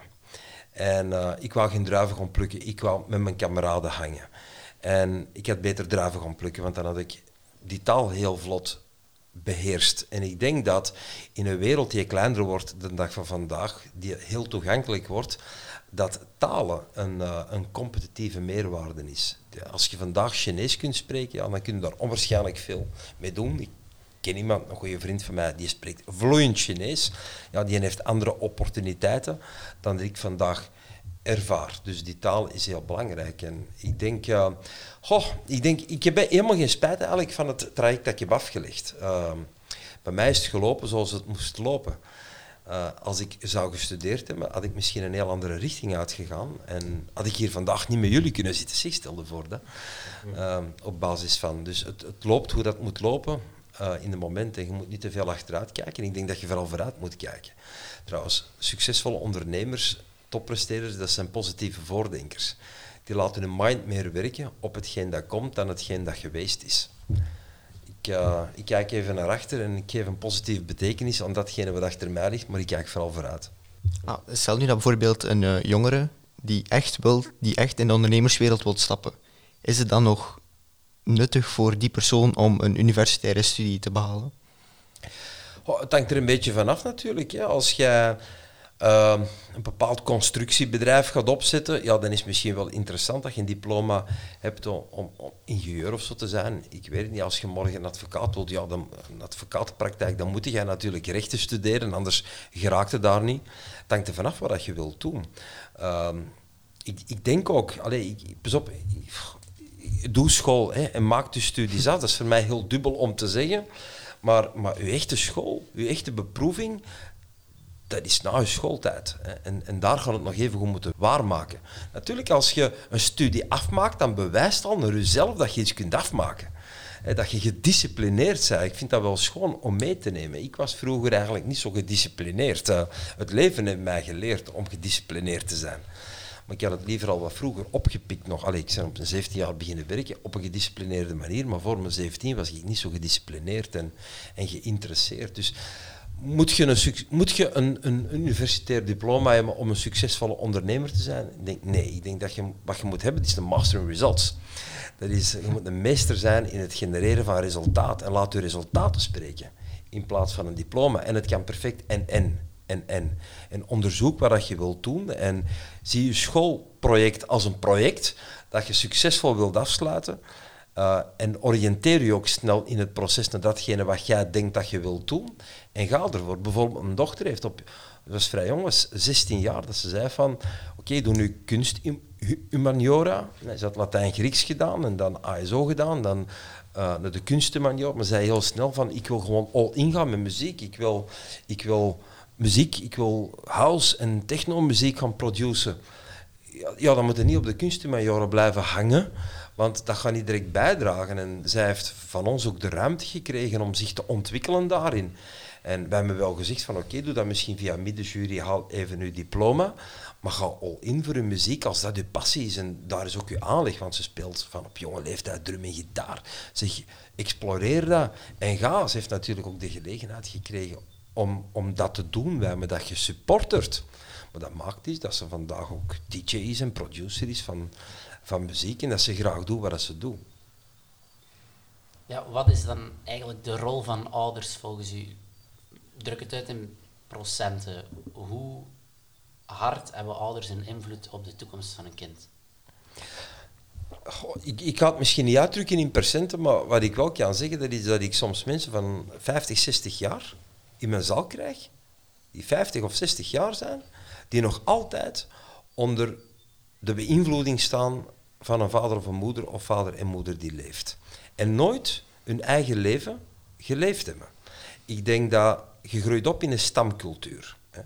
En ja, heel klassiek is dat je vader en je moeder en mogelijk nog wat broers en zusters. En er hangt een cultuur in die stam. Ik denk dat je pas echt vrij en volwassen bent, dat je een eigen stamcultuur begint. Dat je zegt van ik pak het beste mee van mijn stamcultuur, maar dat je dan een eigen stamcultuur in de wereld zet. Dat je zelf een leven begint volgens je eigen waarden, normen en verwachtingen. Soms moet je kunnen loskomen van de verwachtingen van anderen. En de anderen hebben dikwijls verwachtingen om ons te beschermen, om, om het beste, ze hebben het beste voor ons voor. Maar misschien is dat niet... Ik ben niet de beste coach voor mijn kinderen. Tuurlijk niet. Want ik heb bepaalde bezorgdheid dat iets fout zou kunnen gaan. Dus ik ga mogelijk sturen. Dus ik probeer, omdat ik natuurlijk ook congruent wil zijn met datgene wat ik zeg, mijn kinderen zoveel mogelijk vrijheid te geven. Maar daar slaag ik niet altijd in. Dus ik ben niet de beste coach van mijn kinderen. Zoals ouders ook niet altijd de beste coach van hun kinderen zijn. Maar uiteindelijk zijn ze wel op hun pootjes terechtgekomen. Ja, ja natuurlijk, maar daar hebben ze meer aan, aan zichzelf te danken dan aan mij, denk ik. Ik denk, uw, uw opvoeding moet een waardig platform zijn. En ik denk, uh, mensen hebben... Kijk, jonge mensen hebben een imprintperiode, zoals dieren dat ook hebben. Hè. Dus een hond heeft ook een... Ik wil mensen niet vergelijken met een hond, begrijp me niet verkeerd, ondanks dat ik een hondenliefhebber ben en dat En onze dribbel, onze labra... Sorry? En sommige mensen hebben ook wel gelijkenissen met een hond. hè. Ja, mensen beginnen ook op hun hond te trekken of de hond begint op de mens te... Nee, denk je dat de mens op zijn hond begint te trekken op een zeker moment? Nee, Eh, los daarvan.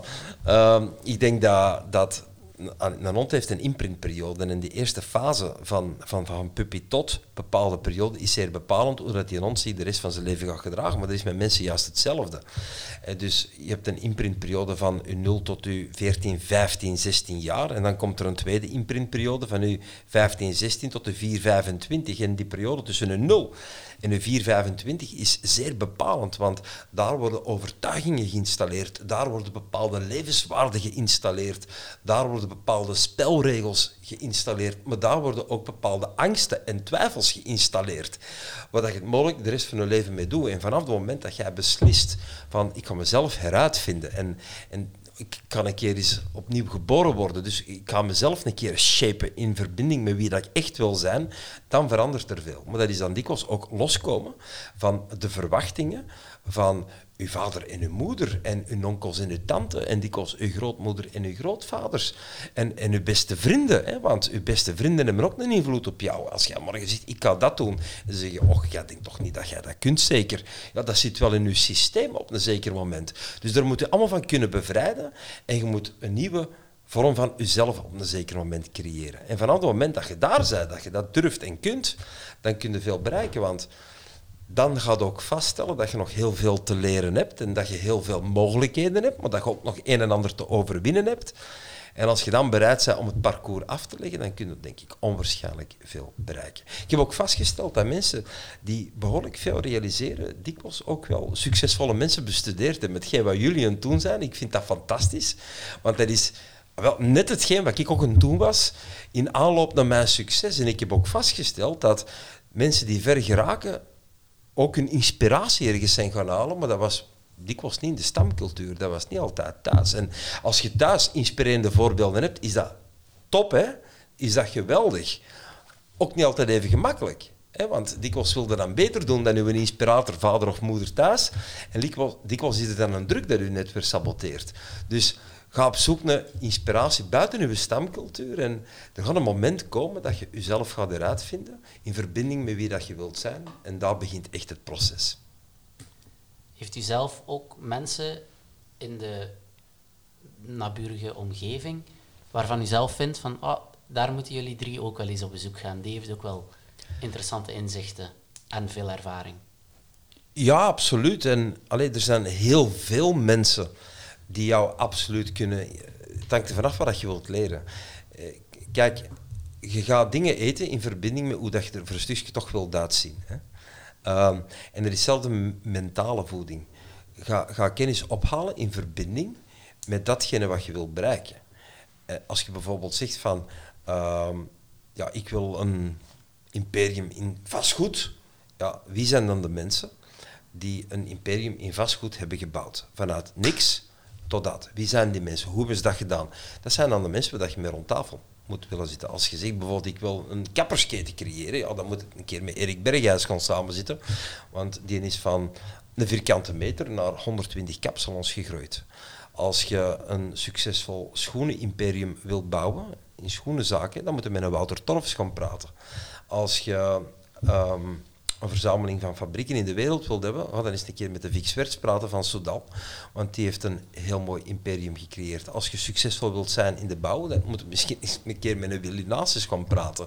Als je een serial entrepreneur wilt zijn, dan moet je misschien eens een keer met een Marokko gaan praten. Maar dat zijn ook allemaal mensen die mogelijk, mogelijk niet, bereikbaar zijn.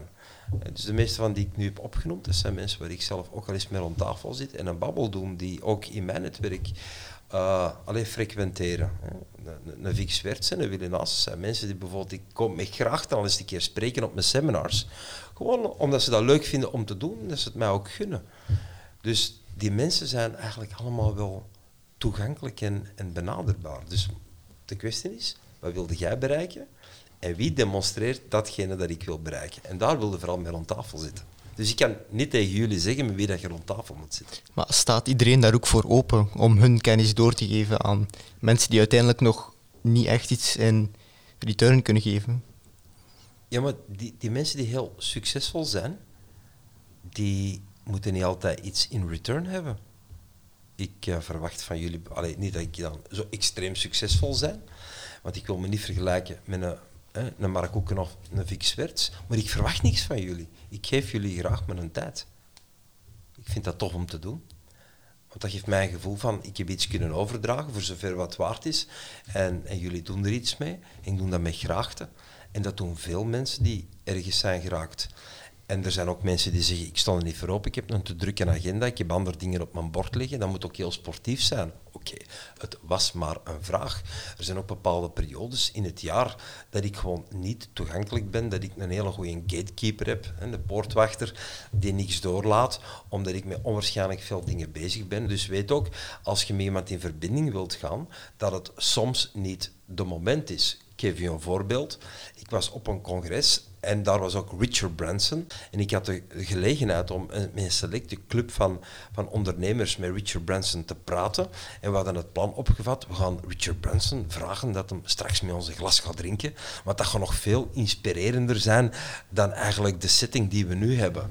En ik stelde ook gewoon die vraag aan Branson van, ze zijn bereid om straks hier in Londen met ons iets te gaan drinken. En zei, oh, ik ben super gecharmeerd door uw vraag. En in normale omstandigheden zou ik het doen. Maar mijn helikopter staat te wachten, die brengt me nu naar de luchthaven en daar sta ik op een vliegtuig, want ik vertrek naar Australië. Volgende gelegenheid. Dus uh, het was er niet van gekomen, maar het zou er wel van gekomen kunnen zijn. Want ik ken ook mensen, hè, bijvoorbeeld uh, de mensen die hier achter ons wonen, Joyce en Raisa de Haas bijvoorbeeld. Ik wil die twee dames meegeven, dat zijn mensen die ik heel goed ken. Ja, dat zijn protégés van Richard Branson. Dus die kennen dan Branson zelf persoonlijk. Dus de wereld is zo klein. Maar zoek rolmodellen die in verbinding staan met datgene wat jij wilt bereiken als mens. Hoe is het eigenlijk gesteld met hun bedrijf? Niets in Tonic, als ik mij nu vergis? Ja, die hebben, uh, die hebben een, een, een healthy tonic op de wereld gebracht onder de naam Double Dutch. En dit is een wereldwijd succes. Hè. Die zitten over heel de wereld met een tonic ondertussen. Dat is echt booming business. Die worden ook empowered door een paar heel succesvolle bedrijven. Heineken is voor een groot stuk aandeelhouder van dat bedrijf geworden. Maar die dames doen het fantastisch. Hè. Dat zijn, uh, als je nu zegt, jonge, jonge ondernemers, die zijn ondertussen ook rond de 30 jaar, maar wat die men afgelegd is een onwaarschijnlijk parcours. Zeer inspirerend. Oké, fantastisch. Uh, ik hoorde u daarnet ook spreken over spelregels.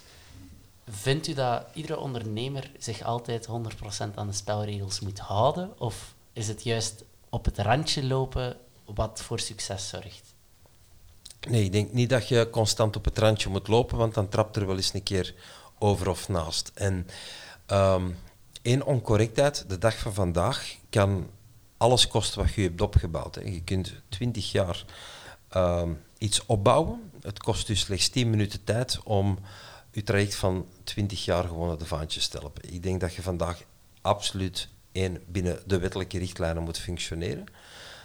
Omdat uh, anders zit je gewoon heel veel op spel. En als je start, doe het ineens goed. Dat betekent niet dat je een bepaalde optimalisatie mag toepassen. Ik denk dat dat absoluut kan. Maar blijf binnen de regels van correctheid en wat moet en mag en kan. Belemmert dat ook niet vaak uw groei? Want ik heb bijvoorbeeld een bedrijf, PayPal, ik weet dat dat in de tijd volstrekt illegaal was. Alles wat ze deden was illegaal en mocht niet bij wet. Oh, dat, het spel volgens de regeltjes spelen houdt u dan toch ook tegen? Om Uh, ja, te ja, kunnen groeien. Ja, vaak. uiteraard. De belastingen die ik moet betalen houdt me tegen, want dat ontneemt mijn kapitaal om te investeren, maar ik betaal wel mijn belastingen, want als ik ze niet betaal, gaan ze vroeg of laat mijn tafel komen halen met mijn stoelen hier. Ik bedoel, nee, ik, ik geloof, mijn filosofie is, uh, keep it clean. Want als je, ik zal zeggen, illegaal zou starten, of je doet dingen die niet kunnen en mogen, en je gaat dan groeien, ja, dan groeit dat mee. Het verkeerdelijke, allee, verkeerdelijke het, het, het niet bij de wet zijnde, groeit mee, helemaal uit, en, en vroeg of laat heb je, heb je geen kans meer. Je ziet dat bijvoorbeeld veel ondernemers die, uh, die een stukje onder of naast de kassa werken, ja, de dag van vandaag, beste vrienden, dat gaat niet meer. Hè. Dus je brengt jezelf in de problemen als je dat nog doet. En dan mag je een company maar als je morgen een, een doorgedreven controle krijgt, dan is kans dat je deuren kunt sluiten. Hè. En dat je een klem krijgt van de overheid. Hè. En die pri privématig ook een impact heeft. Dus persoonlijk, ik denk dat je het correct en clean moet doen. En dat je, dat je heel officieel netjes moet werken. Dat is een persoonlijke overtuiging. Zijn er voorbeelden van landen waar dat minder is? En waar dat ondernemerschap dan ook iets groter is? Uh, ja, absoluut wel. Stel nu bijvoorbeeld, je, je, je start in de, in de Emiraten, in Dubai bijvoorbeeld, ja, daar, daar kan je beginnen. Daar betaal je geen vennootschapsbelasting. Uh, dus eigenlijk moet al geen boekhouding bijhouden. Je betaalt ook geen personenbelasting. Dus juist 5% BTW. En een company opstarten, dat gebeurt binnen de week.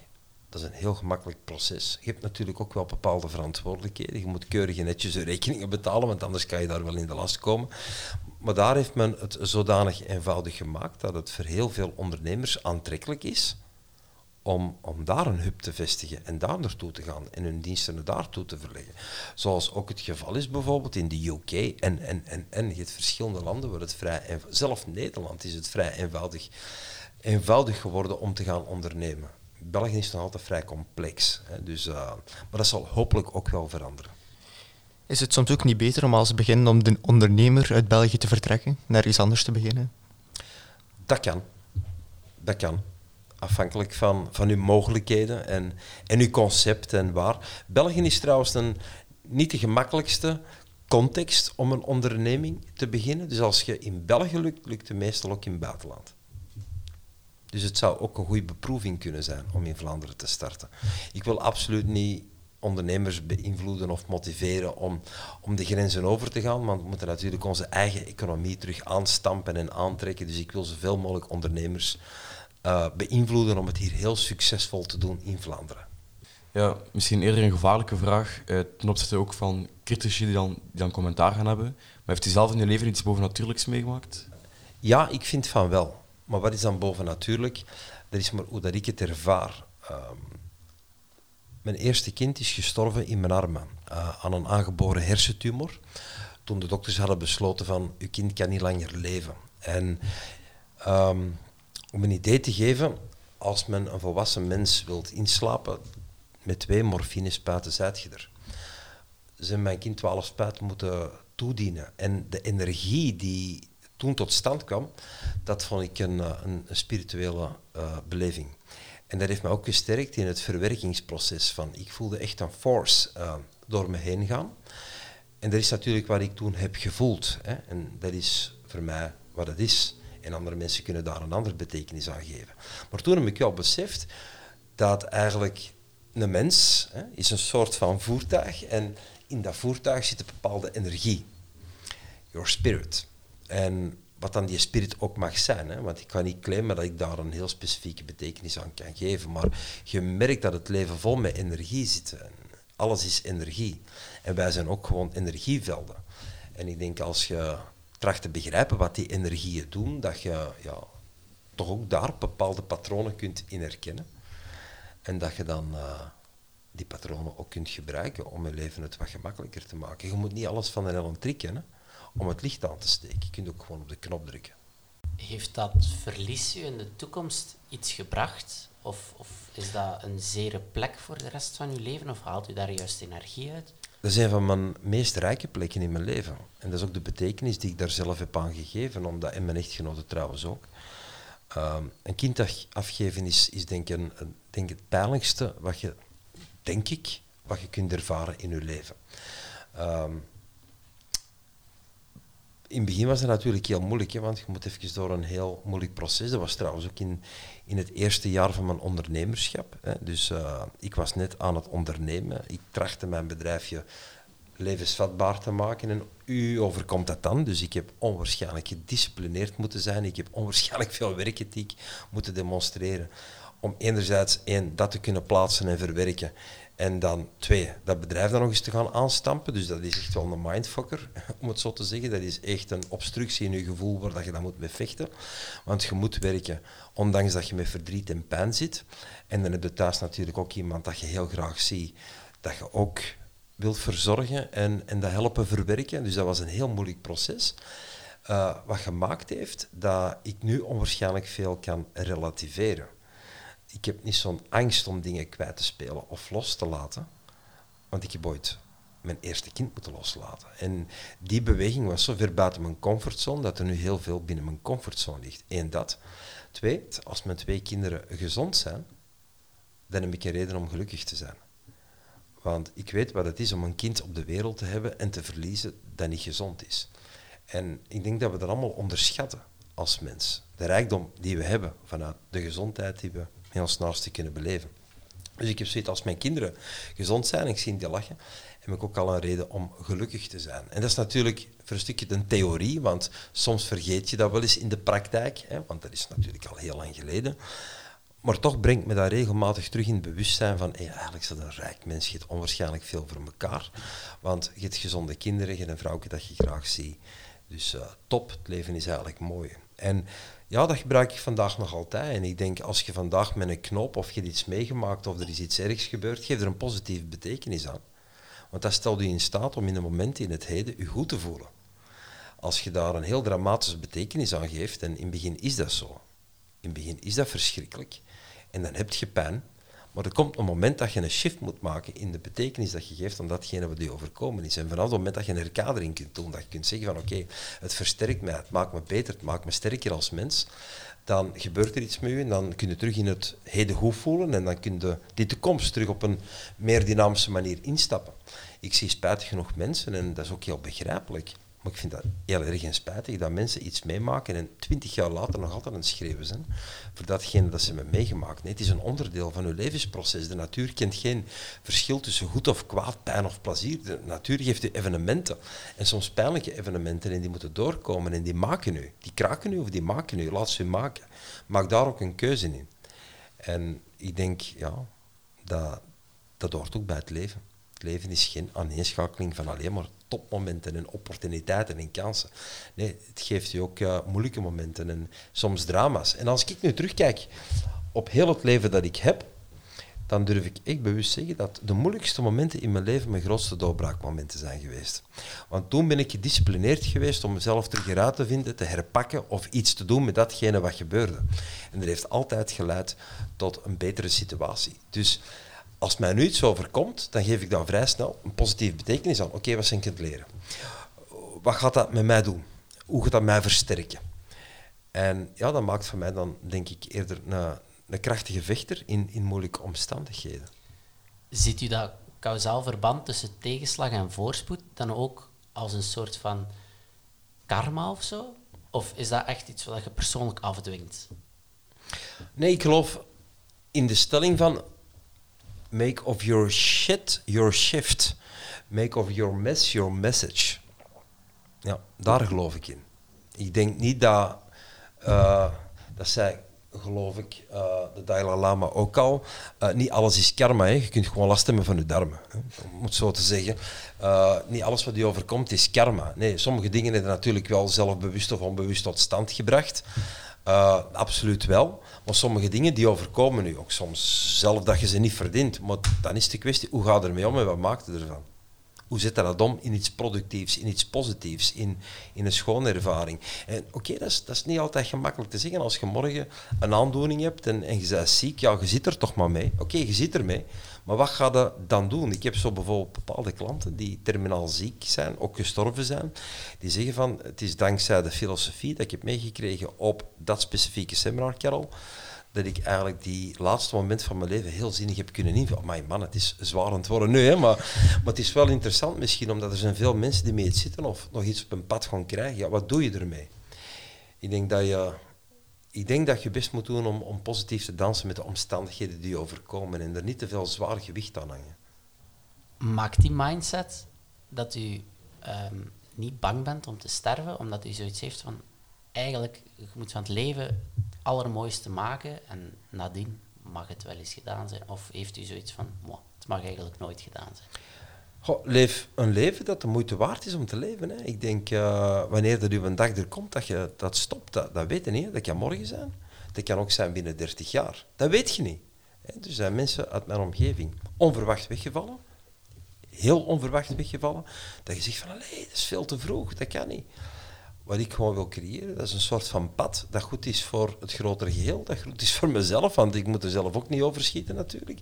En dat ik morgen op mijn laatste dag kom, dan wil ik kunnen zeggen van, amai zeg, het is de moeite waard geweest. En dan mogen ze dan ook uh, als titel gebruiken, het is de moeite waard geweest, absoluut wel. Zelf op deze jonge leeftijd nog, het is de moeite waard geweest. Maar dat is niet toevallig gekomen, dat is omdat je dat hebt gecreëerd, omdat je er onwaarschijnlijk veel hebt voor gedaan. Heel interessant veel opgestoken. Hey Louis, Quinten en Zens, bedankt voor dit uh, warm en ja, ondertussen ook wel gesprek van, ik denk een uur en drie kwartier bijna. Fantastisch. Een dikke merci voor deze babbel. Hey, jij ook de luisteraar aan de andere kant, bedankt om deze podcast te beluisteren. Ga deze mogelijk delen met zoveel mogelijk mensen, jonge volwassenen, maar ook volwassen mensen. Want mogelijk kunnen mensen er iets mee. Ik vond het alvast boeiend om even met jullie dit reflectiemoment te hebben. En uh, kijk uit naar de volgende podcast. Tot snel en be wel.